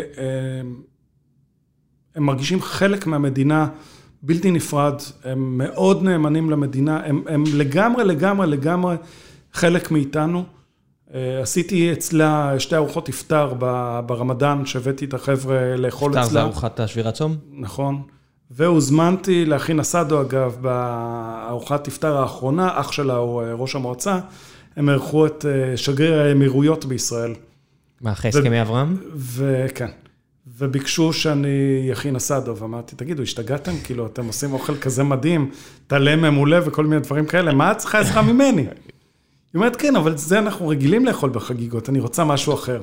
יפה. אז מצאתי את עצמי מעשן אה, המון בשרים לתוך הלילה. איפה יש את התמרים הכי טובים ל- להביא למקום כזה? תמרים הכי טובים, בקעת הירדן. בקעת הירדן. יש לך איזשהו יצרן שאתה סומך עליו יותר? יש המון, אה, המון יצרנים טובים, לא רוצה כרגע לנקוב לא. בשמות, כי אני בט- בטוח אשכח כמה. אחרי שהייתי ב- בלאומי, אז פעם בשבועיים הייתי יורד ללווינסקי, אה, להביא את ה... אתה יודע, כשאתה קונה תמרים בסופר זה... זה שנות אור מהתמרים ב- בשוק. ברור. יש שם איזה יצרן, לא, לא זוכר את שמו לצערי, שהייתי קונה שם, וכולם היו באים ל- למשרד שלי כדי לדחוף את היד לתוך ה... תמרים, תמרים סיפור מאוד, מאוד מסובך. שתלו יותר מדי עצי מג'ול בארץ, ו... רצחו את השוק. רצחו את השוק, ו... ואנחנו שם ב... לפחות אפשר להקפיא לכמה חודשים. אפשר להקפיא להרבה זמן, אבל כמה אתה יכול להקפיא? הייתי עכשיו, ב... לפני כמה חודשים היינו בצימר בפארן, וישבתי עם החקלאי. אתה הוא מתפרנס מתיירות ומחקלאות. והוא אומר, איזה טעות עשינו עם, ה... עם התמרים האלה, שכולם רצו להביא עוד ועוד תמרים, והם תקועים עכשיו עם טונות על גבי טונות. אמ, הייתי בפגישה של העמותה הישראלית לקולינריה, אה, שהם דיברו, אה, יובל מעלה הביתה, מעלה עלה, שהוא גם מוכר פירות וירקות הביתה וגם מוצרי מעדניה דומים לשלי, ועסק מדהים ויפהפה. והוא אמר, הולך להיות ברוך, זה היה כמה שנים לפני. הוא אומר, אני רואה מה הם עושים, זה הולך להיות אסון. כן. ועכשיו זה בעיה. אז החבר'ה בפארן עכשיו עברו לאננסים, קנינו איזה שניים הביתה מדהימים, אבל יש עדיין טונות של תמרים שהם צריכים... אה, אננסים זה בעיה, מחיר יקר מאוד. יש גידולים שאני לא יודע אם נכון לגדל בארץ. אז שמה הופתענו מכמה, הבעיה שזה פשוט, אתה יודע, רחוק מכל ציוויליזציה אנושית המקום הזה, זה נראה כאילו זה על הירח, אבל שם המחיר יותר הגיוני מאשר מן הסתם בעיר. מצד שני. בונים עכשיו פרויקט כמהין מדהים ברמת הגולן. מדהים, שיהיה עצום בהיקפו. אה, נכון, קראתי את זה גם בארץ. עצום בהיקפו. הם הם גייסו לב- עכשיו כמה מיליוני דולרים. כן, הם הצליחו רוצים- לביית. הם רוצים גם להקים אה, מפעל של אה, מוצרי כמהין. רוב הכמהין שאתה קונה היום בתור אה, שמן כמהין או כמהין משומר בכל מיני דברים כאלה, זה bullshit, זה מעוקר, כדי שזה לא יתאפש, וזה עם חומרי טעם וריח, וזה לא הדבר האמיתי. אני הסתובבתי ב- בצפון איטליה, כי אשתי שלחה אותי, שהייתי שם באיזה טיסת עבודה, להביא שמן כמהין. אז איך אומרים? אה, לא זוכר איך... Truffle. אז truffle oilו, truffle oilו, הסתובבתי שם בין הזה, והם עשו לי, תקשיב, אה, איש מטומטם, תלך מפה, אנחנו לא מוכרים את השטויות האלה. נכון. אתה לא תקבל את זה פה, ותלך ואתה מעליב אותנו. שמן כמהין זה, שמים לפעמים כמהה קטנה בפנים בשביל המראה עין. וזה שמן גרוע הרבה פעמים. זה, זה חומרי טעם וריח, זה לא הכמהין עצמה. לא, זה, זה מוצר שהם אמרו לי, אין לי בעיה להגיד לך איפה אתה יכול לקנות, אבל אתה מקשקש, זה לא מוצר שאתה צריך, זה, זה שטות מוחלטת. כן. מישהו שם טרח להסביר לי באנגלית למה אני עושה טעות. אז הולך להיות פרויקט מדהים, כבר התחיל ברמת הגולן, שיהיה בהיקפים מאוד מאוד גדולים. מאוד מעניין. יש שם גם דובדבנים עכשיו, ש... ופירות יער באופן כללי, וגם כמהין, ואני מת על המיזמים האלה. וחרגולים? חגבים, סליחה. כן, יש אה, את חרגולטק, כן, שזה אה, גם מיזם מדהים ויפהפה לתחליפי בשר. חבר מהצוות מהצבא, אה, גיל, יש לו את סולמייט, חברה לאוכל לכלבים, שהיא הרבה יותר זולה מהמתחרות. כן, מכיר. אז הם, יש להם עכשיו אוכל פרימיום, שעשוי מחלבון של... מאבקת חגבים? אה, מה, איזשהו ג'וק. היופי, חגבים הרבה יותר קל לגדל אותם. מהחרקים האחרים, זה כשר וגם חלל. זה יותר יקר מאוכל אה, לחיות רגיל, אבל זה הרבה יותר בריא, והכלבים לצערי מתים על זה. בינתיים כהיצע קטן, העלות הייצור של זה כן. היא מאוד קטנה, כמות המים שזה, שהם צורכים היא מאוד קטנה, ניצולת של ליטר 200 ל- לקילו חומר סופי של מוצר, זה לא דומה לכלום, ב- ב- ביקר זה 1 ל-32, למשהו כזה. כן. היעילות, הניצולת, הכמות מקום שזה דורש, פרויקט מדהים, ואני ברירה. חושב שדרור מחרגולטק אה, יעשה מהפכה לא קטנה בשוק העולמי. כן. כן, כן, כן. אני חושב ששטראוס מעורבים בזה, אם אני זוכר נכון. אה, אני, שטראוס אני טק, חושב דווקא שלא. אני, לא? יודע, אני יודע שהוא בבדיקת, אה, בבדיקות כאלה ואחרות מול כמה חברות גדולות מאוד בעולם, בתור אה, תוסף מזון לספורטאים, בתור תוסף מזון לדברים אחרים, פשוט חלבון טוב. אבל זה חלבון מאוד זמין, מאוד זול, כן. מאוד קל לעיכול. יופי של פרויקט. הראש הישראלי ממציא הרבה פטנטים. כן, רק, רק תנו צ'אנס. רק תנו צ'אנס ותצאו מהקונכייה ולכו לטייל בארץ וליצרנים מקומיים ותשלבו את זה בטיולים שלכם. זהו, די, חפרנו פה המון והיה לי סופר כיף. היה כיף ענק. תודה רבה רבה רבה שבאת. אה, רק נסיים שוב אה, עם אה, foodshop.co.il, כנסו, תנו צ'אנס, מוצרים מדהימים. זהו, תודה רבה. ביי.